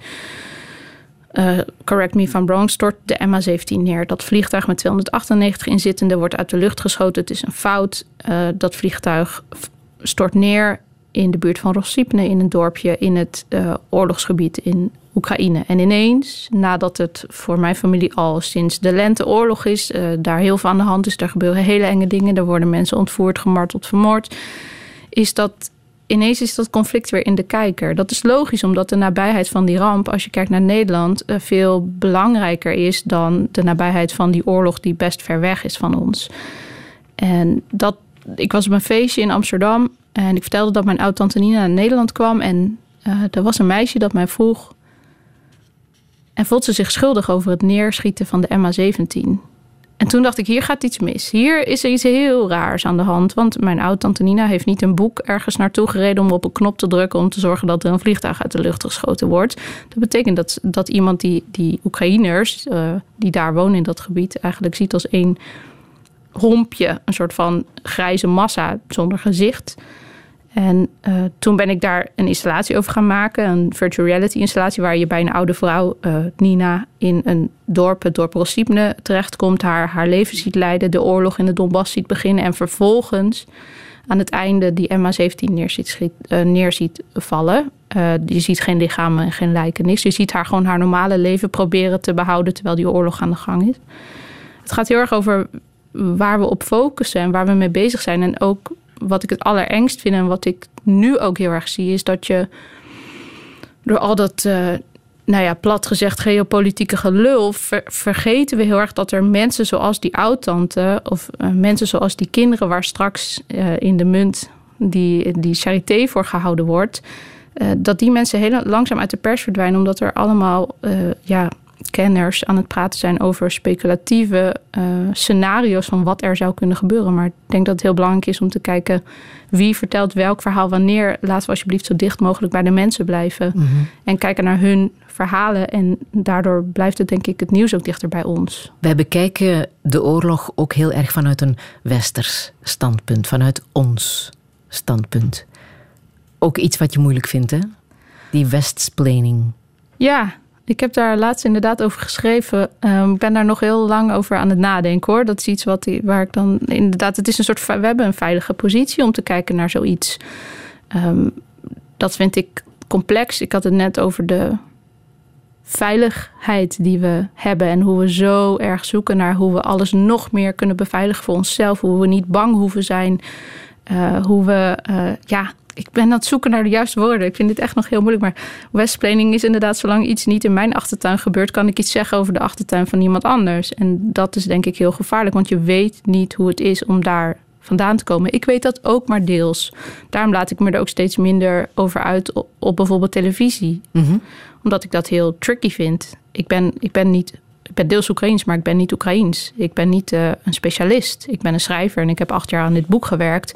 Maar ik kan je niet uitleggen wat het volgende ding is dat Poetin gaat doen. Of hoe het precies is om bijvoorbeeld. We werden, mijn agent werd laatst gebeld door iemand of ik iets wilde zeggen over de uh, weesbaby's die in Mariupol ergens in een kelder zaten. Wat kan ik daarover zeggen, behalve dat dat verschrikkelijk is? Mensen zoeken heel erg naar dat soort ingangen. En dan wordt het een beetje. Kom maar even een uitleg aan ons geven van hoe erg dat is. Maar dat, dat kan ik niet. Misschien moeten we gewoon even proberen in ieder geval Oekraïne te helpen. Op een manier die zinvol is, maar niet heel de tijd maar blijven praten en speculeren. Mm -hmm. Welke bronnen volg jij als uh, nieuws? Um, vrienden die daar nog zitten. Dat zijn er niet zoveel. Uh, bevriende journalisten. Um, Floris Akkerman bijvoorbeeld zit nu in Pavlovsk. Dat is helemaal in het oosten in de buurt van de Dnipro. Ehm, die is daar af en aan in, uh, in Oekraïne. Hij maakt voor BNR maakt hij Perestroikast, een hele goede podcast over het Oosten. Die man weet zo ontzettend veel. Ik volg veel Twitter. Uh, ik praat met familie. Mijn familie uit Odessa is inmiddels gevlucht, maar dat is wel natuurlijk een soort bron die ik vertrouw, die ik geloof.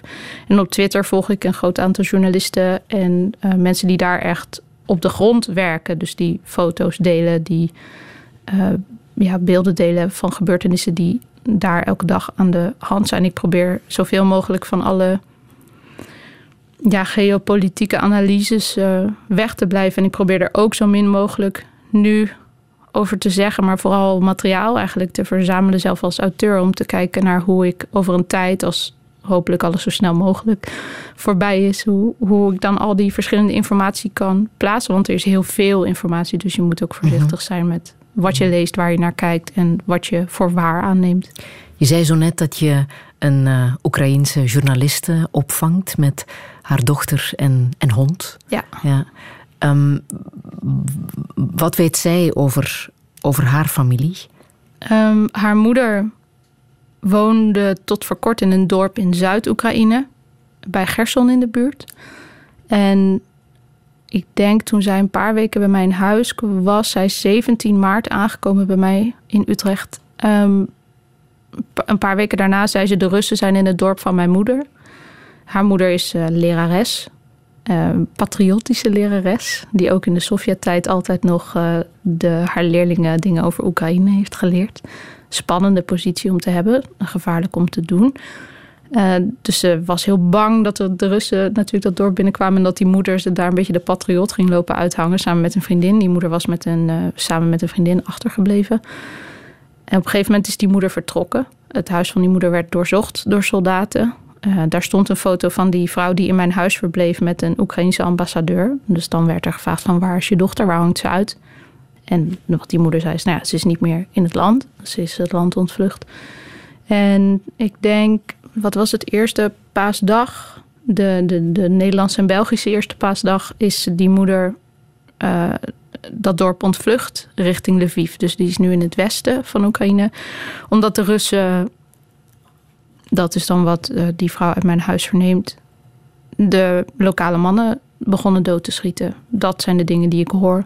Afgelopen week is er in Kiev zijn er een aantal bombardementen geweest waarbij, waarbij een uh, journaliste van Radio Svoboda, Radio uh, Europe, uh, of Radio Liberty, sorry, is overleden. Dat is een collega van haar. Dat zijn de dingen die je hoort en dat, mm-hmm. ja, dat is. dat klinkt als heel veel spanning bij jou thuis. Is dat zo? Ja, het is zwaar. En mijn huis is niet super groot. Um, ik heb een huis met een woonkamer en twee kamers, een werkkamer en een slaapkamer. En ik slaap nu in een eenpersoonsbed in de werkkamer. Dus uh, ja, met al mijn kasten met boeken en, en dus elke nieuwe druk van de roman die de uitgeverij dan opstuurt. Dus ik elke twee weken krijg ik zo weer een of ander domme pakket met zo vijf romans erin. Die ik dan opstapel in die, in die nieuwe provisorische slaapkamer. En zij slapen in de andere uh, kamer in mijn tweepersoonsbed. Ik heb een tuin. Um, zij zijn er nu sinds 17 maart en we hebben afgesproken dat ze ongeveer tot en met half mei, eind mei bij mij kunnen blijven. Het was een tijdelijk verblijf en we zijn nu op zoek naar een, uh, een nieuwe woning voor hen die iets uh, permanenter is. Dat dochtertje, die is 14, die gaat al naar school in Utrecht. Die heeft allemaal Oekraïense vrienden gemaakt. Mm-hmm. Dus er ontstaat langzaam ook een beetje een community. Maar het is heel zwaar, want ik ben alleen. Ik woon alleen in dat huis. Het betekent dat ik ook niet altijd met iemand kan overleggen over wat het volgende is. En de balans is ook een beetje gek natuurlijk. Maar het is ook, ja, het is heel, een heel vreemde en, uh, en een rare ontmoeting. Maar we zijn denk ik best goed voor elkaar en geduldig met elkaar. En ze koken en ze krijgen van de gemeente Utrecht een hebben ze een bankpas gekregen waar elke week wat geld op wordt gestort. Dus ze kunnen zelf eten kopen, ze kunnen zelf eten maken. En uh, we gaan soms fietsen. Dan vindt, laatst had ze een, uh, Shinizana heet de vrouw, had ze een, uh, een mooie toren, de Hamtoren, ergens gevonden in de buurt van Utrecht. Een half uur fietsen. Dan zijn we daar op een zonnige paasochtend naartoe gefietst. En dan gaan we daar even wat drinken en een stukje taart eten. En dan gaan we weer terug. Dus je probeert ook een beetje een normaal leven met elkaar te hebben. Maar het is natuurlijk geen enkele dag normaal. Je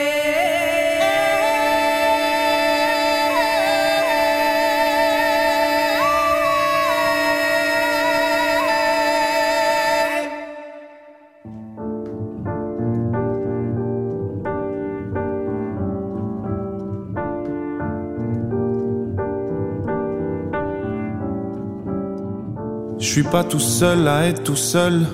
Ça fait déjà ça de moins dans la tête. Et si je comptais combien on est? Beaucoup. Tout ce à quoi j'ai déjà pensé. Dire que plein d'autres y ont déjà pensé. Mais malgré tout, je me sens tout seul. Du coup, j'ai parfois eu des pensées suicidaires j'en suis peu fier. On croit parfois que c'est la seule manière de les faire taire. Ces pensées qui me font vivre un enfer. Ces pensées qui me font vivre un enfer.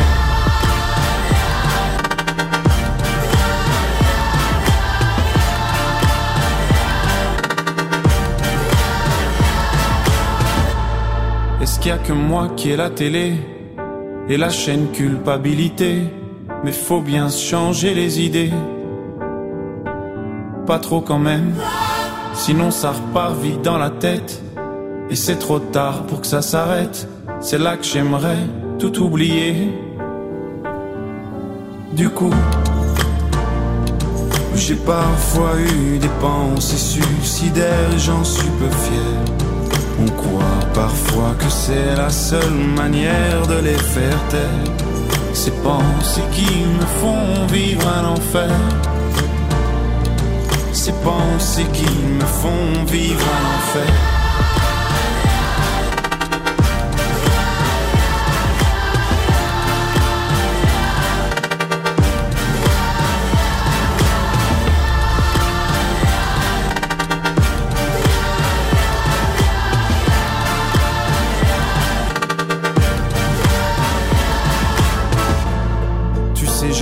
Mûrement réfléchi.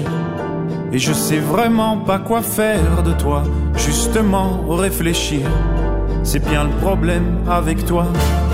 Tu sais, j'ai mûrement réfléchi. Et je sais vraiment pas quoi faire de toi. Justement, réfléchir.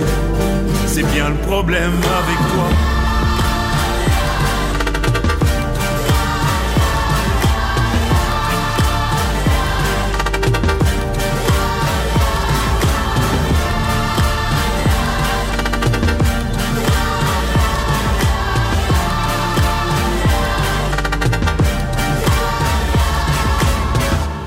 Stromae met L'Enfer, Lisa Veda. Welke betekenis heeft dit nummer voor jou? Ja, ik denk dat het in deze tijd, die, dit album kwam voor mij echt uit. Ook, tenminste, ik begon het te luisteren toen de invasie begon. En ik denk dat het meer emotioneel gewoon dicht in deze tijd zit. En uh, ik dacht nog net aan iets anders, want ik zei tegen je dat ik helemaal alleen ben. Maar er zijn natuurlijk ook. Dit zijn nummers, zijn dingen die me steunen. Maar ik heb een geliefde die me helpt bij uh, het opvangen van die Oekraïners. En ik heb vrienden die me daarbij helpen, gelukkig. Uh, ik ben niet helemaal mijn eentje in dat huis, daar moest mm -hmm. ik nog aan denken. Maar um, ik ben ook heel dankbaar dat die mensen er voor me zijn. Want zonder hen red ik het echt helemaal niet. Uh, dat is super fijn om door hen ondersteund te worden. En um, in het geval van Stromae is dat denk ik ook zo. Het is gewoon een super powervolle plaat die hij heeft gemaakt. Het is een plaat die me heel erg sterkt. En dat is wat zijn muziek altijd doet. En ik, ten tweede kijk ik zo erg op naar wat hij doet als artiest. Hij heeft heel lang in de luwte eigenlijk hele andere dingen gedaan. Zijn vrouw volgens mij geholpen met een uh, modemerk op te zetten. Mm -hmm.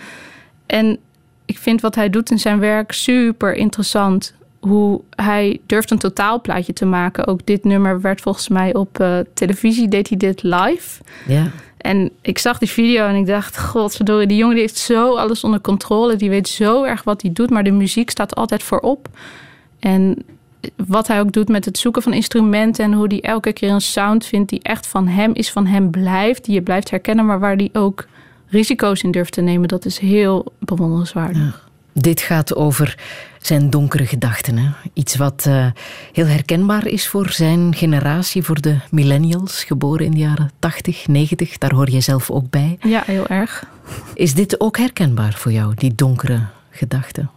Ik denk dat het zeker wel in me zit. Uh, mijn vader heeft wel de, uh, ja, die heeft wel depressies gehad en ik heb dat als jong meisje ook wel gehad. Ik heb wel duistere periodes gehad waarin ik geen zin had om uit bed te komen en het, en het niet begreep of het niet trok. Dat ging denk ik zeker samen met die burn-out. Mijn broer is er erg gevoelig voor, meer dan ik.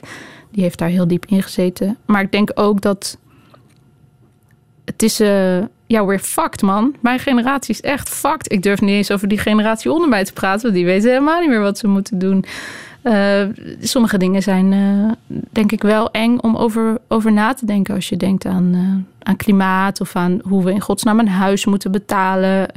er is hier heel de tijd in, in het nieuws, ook de gasprijzen zijn de hele tijd in het nieuws. Het leven is ontzettend duur. En er zijn heel veel dingen om, om over na te denken. We wonen en leven en werken in een enorme prestatiemaatschappij. En je moet je daar maar van weten te onthouden. Het is best een intense bedoeling allemaal. Daarom vind ik dat nummer van die Courtney Barnett ook zo grappig. Weet je wel, dat ze zegt, ja, waarom... Ik weet helemaal niet meer... Ik kan niet meer nadenken over huizen met de zon op het zuiden. Wat interesseert mij dat nou eigenlijk? um, ja, ik snap wel dat het een tijd is waar je je soms best somber eh, in kan voelen. Ben jij goed in zelfzorg? Nee. Nee. Komt dat? ja, ik vind het leuker of ik vind het prettiger om, uh, het, dat is natuurlijk ook mijn beroep, om het verhaal van een ander te laten zien aan de wereld. En ik ben de motor daarvan natuurlijk. Ik ben degene in het geval van Alexandra die een, een boek schrijft over de geschiedenis van de Donbass van de jaren 20 tot en met nu. Die probeert een actueel onderwerp meer ruimte te geven. Nou, dat lukt uh, inmiddels aardig.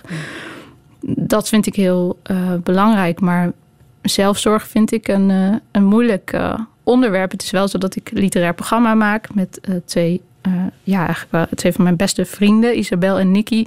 En we hebben net een, een, literaire trilogie over de dood afgesloten. Daar wordt ook vrij weinig over gesproken. Dat was heel vet in een kerk die we helemaal lieten uitlichten. Drie edities waar we uh, diepte interviews deden met schrijvers en performers over de dood. Onder andere Lieke Marsman, de dichter des Vaderlands, die zelf uitbehandeld is. Wat echt een waanzinnig interview was om te doen. En nu stappen we over naar de self-care trilogie met de titel Self-care is cancelled, we're doing acid and yelling at the moon naked.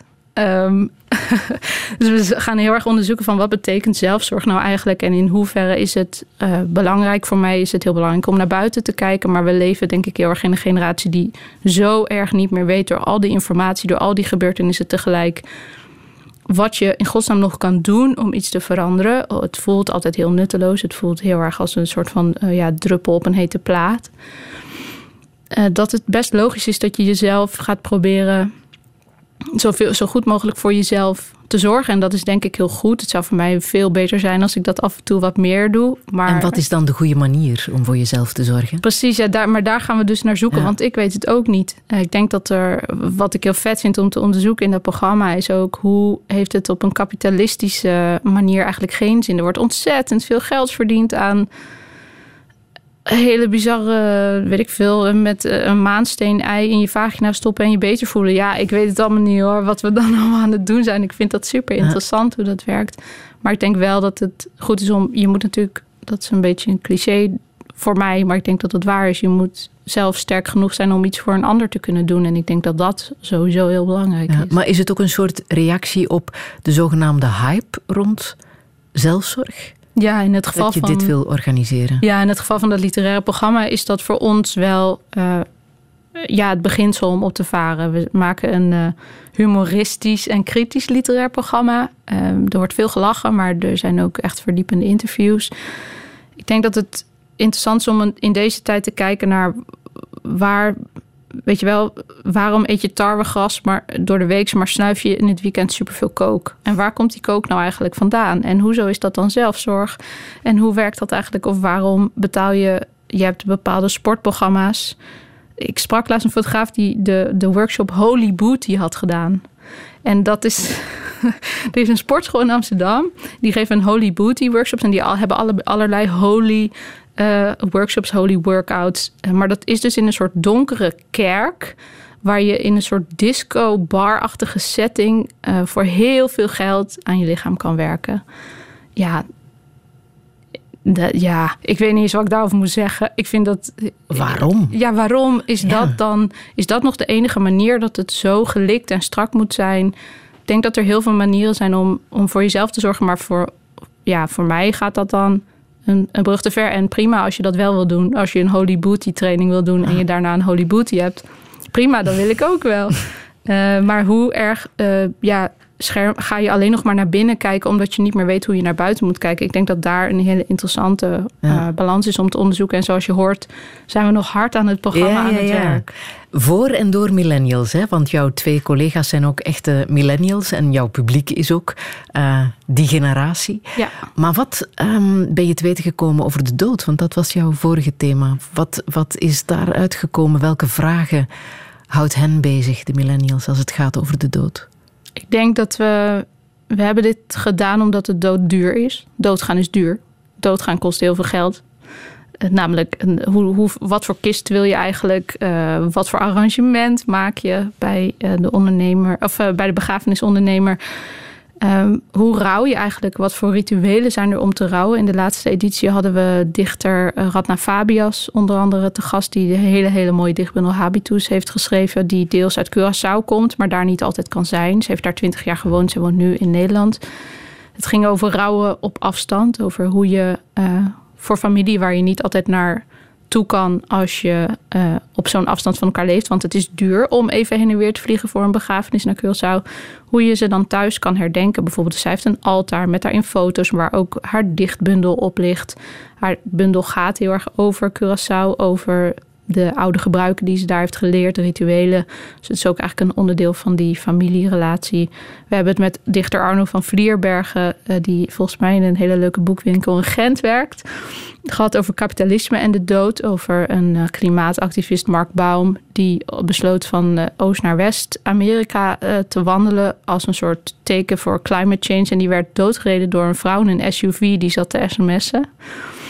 Nou, dat is volgens mij de samenvatting van kapitalisme. Dat is echt te gek. Um, en het gaat over wanneer je. Het ging over wanneer je dood bent. Kan je online nog leven terwijl je in het echt dood bent? Um, ja, als je bijvoorbeeld een avatar hebt in een speelwereld die voor altijd opgeslagen blijft, waar mensen nog elk jaar naartoe terug kunnen. We hebben vooral daar weer heel veel over gepraat. En elke editie, het was in een kerk en uh, dan had je het koor. Dus dat bestaat dan uit meerdere verdiepingen. En boven op het koor stond een hele grote lange tafel. Met daarop nog een altaar. En daar uh, mochten de bezoekers elke editie van de trilogie iets, me, iets leggen om mee te nemen en achter te laten. Dus iets waar ze afscheid van wilden nemen. Dat werd uh, in grote getalen gedaan. Dat was ontzettend leuk. Heel mooi was dat Lieke Marsman de laatste pagina uit haar boek Deze scan duurt vijf minuten heeft gescheurd. Dat was een hoopvolle pagina waarin ze eigenlijk nog hoopte beter te worden. Die heeft ze daar opgelegd. En we hebben afgelopen weekend was de laatste editie. Toen hebben we een, een de vriendin van Nicky heeft een kist gemaakt. Een kinderkist formaat. En daar hebben we alle spullen in gedaan. Die hebben we toen ceremonieel naar de crypte gedragen. En die gaan we binnenkort. Uh, daar zaten alle spullen in. Daar gaan we, die gaan we binnenkort nog begraven. Maar het gaat vooral om het gesprek wat daarna komt. En wat jij voor de anderen doet. Maar, maar hoe rouw jij? Want jij bent een paar familieleden kwijtgeraakt in de oorlog in Oekraïne. En op de meest gruwelijke manier. Ja, in het geval van oom Kolja, die ook in het, in het boek zit, een van de verhaallijnen is. Uh, ja, bouwt op eigenlijk naar hoe hij aan zijn einde komt in de Donbass in 2015, omdat hij niet mee wil bewegen met die nieuwe Volksrepubliek van Lugansk. En hoe is hij gestorven? Hij is uh, gekidnapt. Hij, uh, hij is een zakenman, hij was een zakenman. Hij, stapte, uh, hij was bij zijn nichtje op bezoek. Hij had al een aantal keer, denk ik, een, een vraag afgeslagen of hij mee wilde werken, geld wilde inleveren voor de Republiek hij stapte in een auto. Zij zag hem in die auto stappen. Mijn nicht en er stapten twee mannen bij hem in. Ze reden de hoek om en hij uh, was drie maanden weg. Zijn vrouw heeft hem overal gezocht. En hij uh, was nergens te vinden. En hij is heel dicht bij huis gemarteld en doodgeslagen in een, uh, in een, ja, in een greppel teruggevonden. Dat je, ik, ja, kan, ik kan niet eens. Het, was, het is heel raar om zulk nieuws te ontvangen terwijl je hier bent, terwijl je heel ver weg bent. Ik, we kregen het nieuws toen op de dag dat ik afstudeerde. En ik had een performance gemaakt waarin ik over de wodka-drinkrituelen van de familie vertelde, waarin hij voorkwam. Op een gegeven moment in de roman, uh, het zit ook in de roman, proosten we op de doden. Dat doe je met je andere hand. En dan proost je niet, je drinkt alleen. En uh, ik was in Odessa op het moment toen, toen we dit echt deden met familie, dat wodka drinken. eh, was ik in Odessa en mijn moeder vroeg: moeten we ook drinken op kool? Ja, want die was toen vermist. En toen schrok iedereen in de familie zich helemaal een hoedje. Want die zei: nee, dat kan niet. Want als je nu op hem drinkt, dan is hij zeker dood. Dat is gevaarlijk. En ik deed die performance tijdens mijn afstuderen, tijdens een soort showavond in een theater. En mijn moeder had die dag gehoord dat hij gevonden was. Dus die heeft mij de volgende dag pas dat nieuws gebracht. Dat was verschrikkelijk. En het enige wat ik kan doen, is er heel, heel hard om huilen, maar ook heel veel proberen onderzoek naar te doen en daarover te schrijven. En hem in ieder geval zijn lot, dat klinkt, uh, ja, nee, het is gewoon zo, zijn lot uh, te vereeuwigen in deze roman. En mensen te laten zien van hallo, wel op blijven letten. Want dit, dit, hij is niet de enige. Er zijn zoveel mensen ontvoerd en gemarteld en vermoord.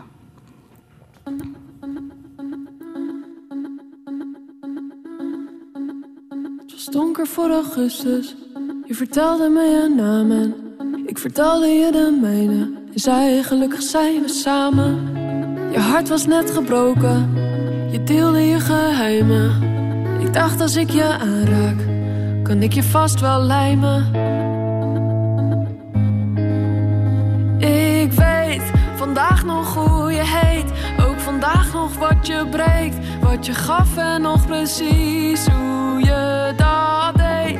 Je gaf me je gewicht, nam het aan slechts een stem zonder gezicht.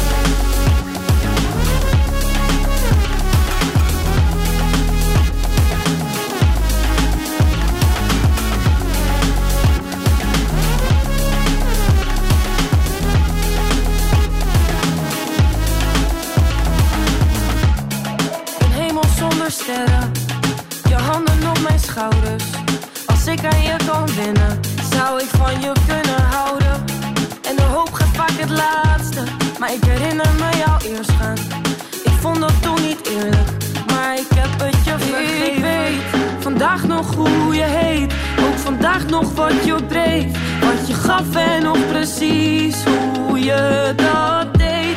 Je gaf me je gewicht, nam het daar met ogen dicht ben ik slechts een stem zonder.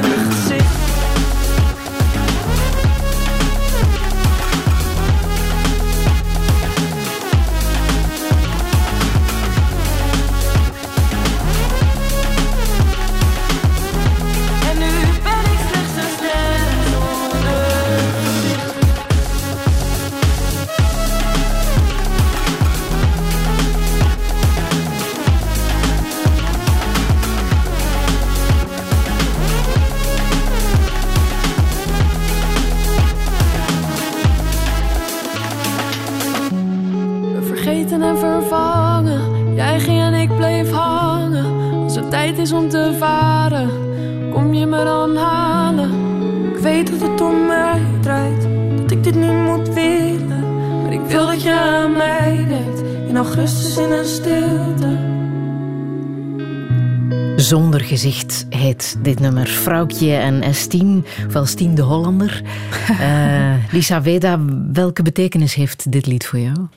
Ja, de lyrics zijn heel mooi. Het, ja, het gaat eigenlijk om gedumpt worden. Meer is het natuurlijk niet. Voor mij in ieder geval, het is een liefdesliedje. Uh, maar waarom ik het eigenlijk mee heb genomen is... omdat uh, ja, Steen maakt furoren in de Nederlandse hiphop. En Vrouwtje is een jonge, super getalenteerde muzikant uit Nederland... die super hoog oog gooit. En nu zij samenwerken is dat fantastisch vooral om te horen. En wat ik heel vet vind aan Steen is... we hadden het net over selfcare... is dat zij wel heel erg durft te praten over kwetsbaarheid en depressie... en over de duistere kant van het leven. Er stond afgelopen week een heel mooi interview met haar... in Volkskrant Magazine, geloof ik. En ja, ik vind dat gewoon vet of zo. Zij durft echt iets nieuws te brengen in de, in de Nederlandse muziek. Ik heb lang lesgegeven op een... Uh, uh, de Rock Academie in Tilburg aan muzikanten, aan jonge muzikanten die hun eigen act wilden opbouwen. En het is toch nog een vrij door mannen gedomineerde wereld. Ik gaf uh, les met alleen maar de mannen die dan de hele tijd van die flauwe mannengrappen zaten te maken. Nou, prima, ik red me daar prima tussen. Maar de enige andere vrouwen die op, die, in dit, op de Rock Academie werkten, waren de vrouwen die zangles gaven en de secretaresse. Volgens mij moet daar wel iets veranderen. En uh, ik hoop eigenlijk dat... Ja, het zou mooi zijn als er steeds meer vrouwen de, de muziek binnenkomen... en daar hele grote posities... Uh... Gaat ze Nederland niet verdedigen op Eurosong? Ja, Stien gaat Nederland verdedigen. Ik ben Ga super jij kijken? benieuwd. Wanneer is de eerste ronde? 8 mei, toch? Zoiets, ja. Ja, ja ik hoop als ik uh, die avond vrij ben, wil ik eigenlijk in Utrecht naar Café Kalf. Dat is een, uh, een gay bar waar ze volgens mij met drag queens en al het Songfestival kijken. Dat lijkt me toch. en voor wie ga jij supporteren? Ja, natuurlijk niet voor Stien. Ik ga voor Oekraïne. Ja. ja. Het wordt een bijzondere editie, denk ik. Ja, ik denk dat het gruwelijk wordt. Ja. Rusland is eruit gegooid, toch? Dus dat is, het, alles is toch politiek geworden. Hm, als het al niet zo was, hè? Ja, zeker. Ja. Ben jij degene geworden die je helemaal had willen zijn? Nee, natuurlijk niet. In het leven bedoel je? Ja. Nou, er is nog wel wat om, om aan te werken, denk ik. Ik denk wel. Ik stel jou de vraag Mm. om, uh, omdat je heel graag naar Queer Eye kijkt. Aha. Op Netflix. Dat is jouw guilty pleasure. Een heerlijk programma is dat, hè? Ja, heerlijk. Toch wel? Ja, daar moet ik echt van huilen. Ja. Dat, Waarom? Ja, het is... Voor, voor wie het niet kent, het is een programma van vijf uh, queer mannen... Um, die een soort makeover gaan doen bij iemand. Het is een super Amerikaans programma. Uh, eigenlijk hou ik daar helemaal niet van. En er is één man die is er dan voor het sociale, één man voor je, voor je haar, voor je uiterlijk, één voor het koken, één voor je interieur en één voor de kleding. En die komen dan iemands leven make-overen in vijf dagen. Ze doen dan het huis, maar vooral ook op persoonlijk niveau praten ze veel met mensen over wat er kan veranderen. Um, maar en dan blijkt toch dat heel veel mensen niet het leven leiden dat ze eigenlijk zouden willen leiden. Nee, zeker. Er zijn heel veel mensen die in patronen vervallen of ergens in zijn vervallen wat ze eigenlijk helemaal niet wilden en die hun dromen ook een beetje hebben laten varen. En het is heel mooi om dan zo'n ja, zo'n life coach jongen daar met weet ik veel met iemand aan tafel te hebben zitten die zegt maar wat wil je nou eigenlijk echt? En dat iemand dan alleen maar zit te huilen, ja, dan zit ik ook te grienen. Ik vind dat gewoon heel mogen fijn ze. Mogen ze bij jou uh, langskomen voor een uh, extreme makeover? Moet er nog veel gebeuren bij jou? Ik denk wel dat ze toch een beetje wat meer van die selfcare naar binnen zouden mogen fietsen. Ja, ik denk dat dat goed zou zijn voor mij. Wat mis je daar nog? Grenzen stellen, denk ik. Ik ben ja. iemand die slecht. Het gaat wel veel beter hoor. Maar vroeger zei ik op alles ja. Natuurlijk, dat komt ook door die periode dat ik geen geld had. En dacht, oké, okay, alles wat ik, elke klus die ik aan kan nemen, neem ik aan. Inmiddels is dat wel minder geworden. Maar werk staat toch, stond in ieder geval tot voor kort heel erg op de eerste plek. En ik denk dat het wel fijner is om ook uh, het privéleven en het leven met vrienden wat meer ruimte te geven. Dat gaat mondjesmaat. Maar het zou zeker meer mogen zijn. En ik voel me vaak schuldig als ik niet werk. Mm -hmm. Of als ik niet maak. Mhm. Mm -hmm. Zeker in deze tijd. In, in deze invasietijd is het niet te doen. Wat ik las was um, dat je wil weten hoe fysieke aanraking werkt. Dat is iets wat je mist. Ja, ik ben er wel beter in geworden. En bij ons thuis, we zijn een hele gezellige familie. We zijn warm op een manier dat je altijd welkom bent. En dat er veel wordt gelachen. En uh, ik voel me heel erg thuis bij allebei mijn ouders in hun huizen. Um, maar ik denk wel dat we een familie zijn en waren die niet zo fysiek is met elkaar. Ik ben wel degene die het uh, elkaar omhelzen heeft geïntroduceerd in het huishouden. En dan kreeg ik van mijn moeder wel zo'n lekker, weet je wel, zo'n schouderklopje zo met twee, zo, zo twee van die mm -hmm. klopjes op je rug. Uh, dat is iets waar ik heel erg aan heb moeten werken in mijn eentje. En ik denk dat ik daar wel meer mee zou willen. Ik vind ik heb een aantal vrienden waar elkaar vasthouden echt lang heeft geduurd. En ik mis dat soms wel, ja. Maar ik werk er, ja, ja jeetje. Intense vraag, joh. uh, maar ik, ja, ik verlang daar wel meer naar. Maar soms vind ik het, denk ik, uh, sociaal ingewikkeld ook. Ik heb... In jouw relatie, is het daar ook ingewikkeld? Nee, daar word ik heel goed vastgehouden, ah, gelukkig. Dat ja. is gewoon dank God iemand die zegt: Kom alsjeblieft hier, ik kom je gewoon vasthouden. Hou even je mond dicht, stop met nadenken, doe even normaal. Uh, dus daar ben ik super dankbaar voor. Ja. Je valt op vrouwen, hè? Ja. ja. Is dat ooit lang. een uh, issue geweest? In jouw Hmm. leven, in jouw familie? Um, nee, mijn familie niet. Mijn moeders beste vriend is uh, homo. En die was al heel vroeg in mijn leven. Dat is heel fijn. Mijn neef is gay. Uh, dus dat is ook prettig. Die is iets ouder dan ik. Dus ik dacht, oh, we kunnen in deze familie wel uit de kast komen. Uh, ik ben als heel jong meisje op de middelbare school. Ik was veertien. uit de kast gekomen bij een vriendinnetje, een schoolvriendinnetje, voordat ik nog bij mijn ouders uit de kast kwam. En dat meisje schrok heel erg. Zij schrok zo erg dat ze uh, naar de mentor ging. Je hebt dan een mentor, iemand die boven aan de klas zit, een docent die altijd bij de klas hoort. En toen werd ik op een middag bij die mentor geroepen en die zei: Nou, ik hoorde dat er iets met je is. En toen dacht ik: Oké, wat dan?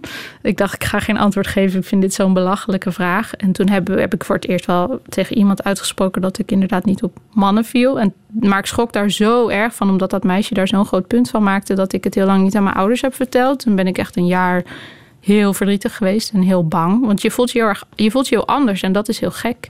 Om door iemand weg te zet, gezet te worden als iets wat echt niet, ja, niet normaal is eigenlijk. Of waarover op zo'n manier over gesproken moet worden. Dus heb ik een hele lange brief aan mijn ouders geschreven. En we hadden toen een, een zoldertrapje nog. Zij sliepen op zolder. En toen heb ik die brief op, op de zoldertrap gelegd. Met helemaal de kantlijnen zo. Sorry, sorry, sorry. Ik kan er ook niks aan doen. Bla, bla, bla. En uh, dat hebben ze gelezen. Ik lag de hele nacht wakker. En s ochtends uh, zat mijn vader aan mijn bed. En die zei, joh, maak je niet zo druk. Alles is oké. Okay. Dus ik, uh, ja, ik heb heel erg geluk gehad thuis, denk ik.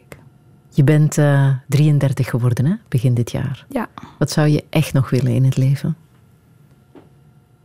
Ik denk toch altijd als eerst aan werkdingen. Dat is zo suf. Nee, ik fantaseer nu wel over een mooi huis met een grote open serre waarin uh, in dit geval mijn geliefde mooi tuftwerk kan maken, want zij tuft. En daar heb je nogal veel ruimte voor nodig. En uh, ik wil dan graag dat hele kleine lelijke bureautje meenemen, waar ik, waar ik dan aan zou kunnen schrijven in dezelfde ruimte. Ik wil graag een, uh, een show maken. Je liet net dat nummer horen, Hey Europa. Ik zou graag met Matthijs een, een show willen maken waarin ja, een soort theaterperformance, interactieve show waarin mensen, eh, misschien deelnemend publiek, moet dansen om te zorgen dat er geen oorlog uitbreekt. Je wilt ook nog een reis maken, hè? Ja, dat wil ik ook graag. Ik wil eigenlijk heel veel, hè? Dus dit... de, de route van de Gulag-spoorlijn. Ja, de Colima-route, inderdaad. Dat staat al heel lang op mijn verlanglijst. Het heet ook wel de route van de beenderen. Uh, Road of Bones wordt het genoemd. Het is, uh, de Colima-route is een route in Siberië. Een hele, hele, hele lange treinroute. Uh, die is aangelegd door mensen die in de Gulag zaten. Onder Stalin-tijd. Er zijn heel veel mensen overleden bij het maken van die route. En het is een vrij uitgestorven reis. Er zijn een paar gekke kleine dorpjes en stadjes die daar aan liggen. Ik zou heel graag in de winter zo'n reis willen maken en dan een fotograaf mee willen nemen en daarover willen schrijven. Ik ben lang niet de eerste, dit is natuurlijk al veel vaker gedaan. Maar ik ben heel benieuwd hoe dat, hoe dat is. En of het is wat ik denk dat het is, dat is het natuurlijk nooit. Maar wat daar te vinden valt vooral. Je wilt ook nog heel veel wijn drinken uit Georgië. Ja, dat wil ik ook heel graag. Waarom? Um, ik, was, ik las het boek uh, Het achtste leven voor Brilka van Nino Haratischvili. Een prachtige familieroman over uh, acht vrouwen uit Georgië. Ik raad het iedereen aan, dat boek is zo ontzettend mooi. En ik dacht, wow, dit boek is te gek. Ik wil naar Georgië. Toen ben ik, dat slaat natuurlijk helemaal nergens op. En toen ben ik naar Georgië uh, gereisd. Ik heb daar drie weken rondgereisd. Het is ook het land waar Stalin is geboren. Ik ben naar zijn geboortestadje geweest, Gori. Heel saai, niet naartoe gaan. Met een heel lelijk Stalin museum. Uh, dat is eigenlijk alles waar dat dorpje op draait. Heel vreemd. En uh, je hebt er ook een hele mooie wijnstreek in Georgië. En in de Sovjet-tijd was uh, Georgië het land waar de wijn vandaan kwam. Het is een heel voordelig land qua gebied om wijn te maken. Maar ze wilden natuurlijk zo risicoloos mogelijk wijn verbouwen. Dat betekende dat heel veel eh, traditioneel gemaakte wijn, uh, die door kleine families werd gemaakt, niet meer werd gemaakt. Omdat dat te duur was, te gevaarlijk. Dat kostte veel te veel geld. En nu zijn er langzaam allemaal mensen van mijn leeftijd weer die traditionele wijnen aan het maken en aan het zoeken naar die oude recepten. Er komt hele goede, mooie natuurwijn vandaan. En wat ik vooral interessant vind is cultureel gezien dat als je gaat eten in uh, Georgië, dat mensen heel erg vasthouden aan dat oude traditionele eten uit Georgië, omdat er zo lang geen plek was voor hun cultuur. Dus het is een heel mooie manier van niet onder een regime willen meebuigen met het eten uh, wat je hebt. Dus ja, het lijkt me te gek om een heel kleine uitgave te maken uh, waarin je waarmee je misschien zelf weer op reis kan om al die wijnen te gaan proeven. Het is zo'n mooi land en mensen zijn zo warm. Je lacht je helemaal dood. Ze hebben daar ook chacha, dat is een soort vodka, maar dan erger. Dus je kunt je lol op. Uh... Welke boodschap wil je hier nog meegeven, Lisa? Ja, toch dan niet lullen, maar poetsen. ja, die zullen we onthouden. En zullen we eindigen met I Know The End Ja, van Phoebe Bridgers. heel graag. Ja.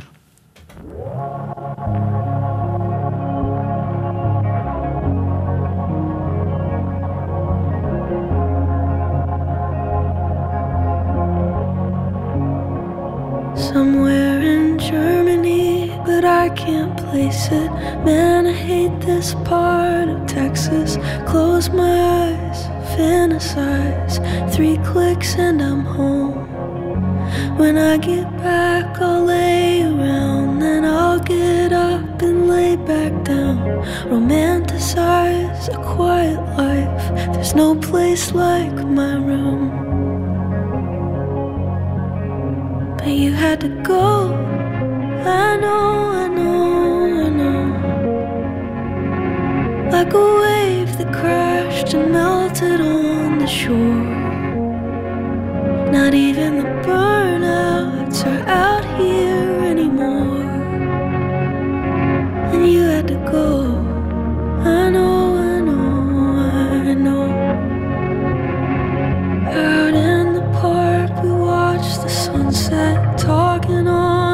rusty swing set. After a while, you went quiet, and I got mean. I'm always pushing you away from me, but you come back with gravity. And when I call, you come home, a bird in your teeth. So I gotta go. I know, When the sirens sound, you'll hide under the floor. But I'm not gonna go down with my hometown in a tornado. I'm gonna chase it.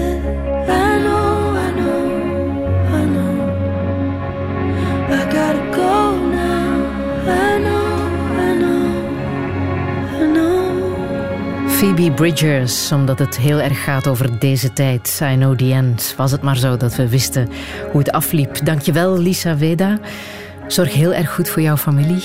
Alle info die hier eh, ter sprake kwam is na te lezen op radio1.be. Volgende week trekken we naar de ruimte, want dan heb ik ruimtevaartingenieur Stijn Ilsen te gast. Een heel fijne zondag nog.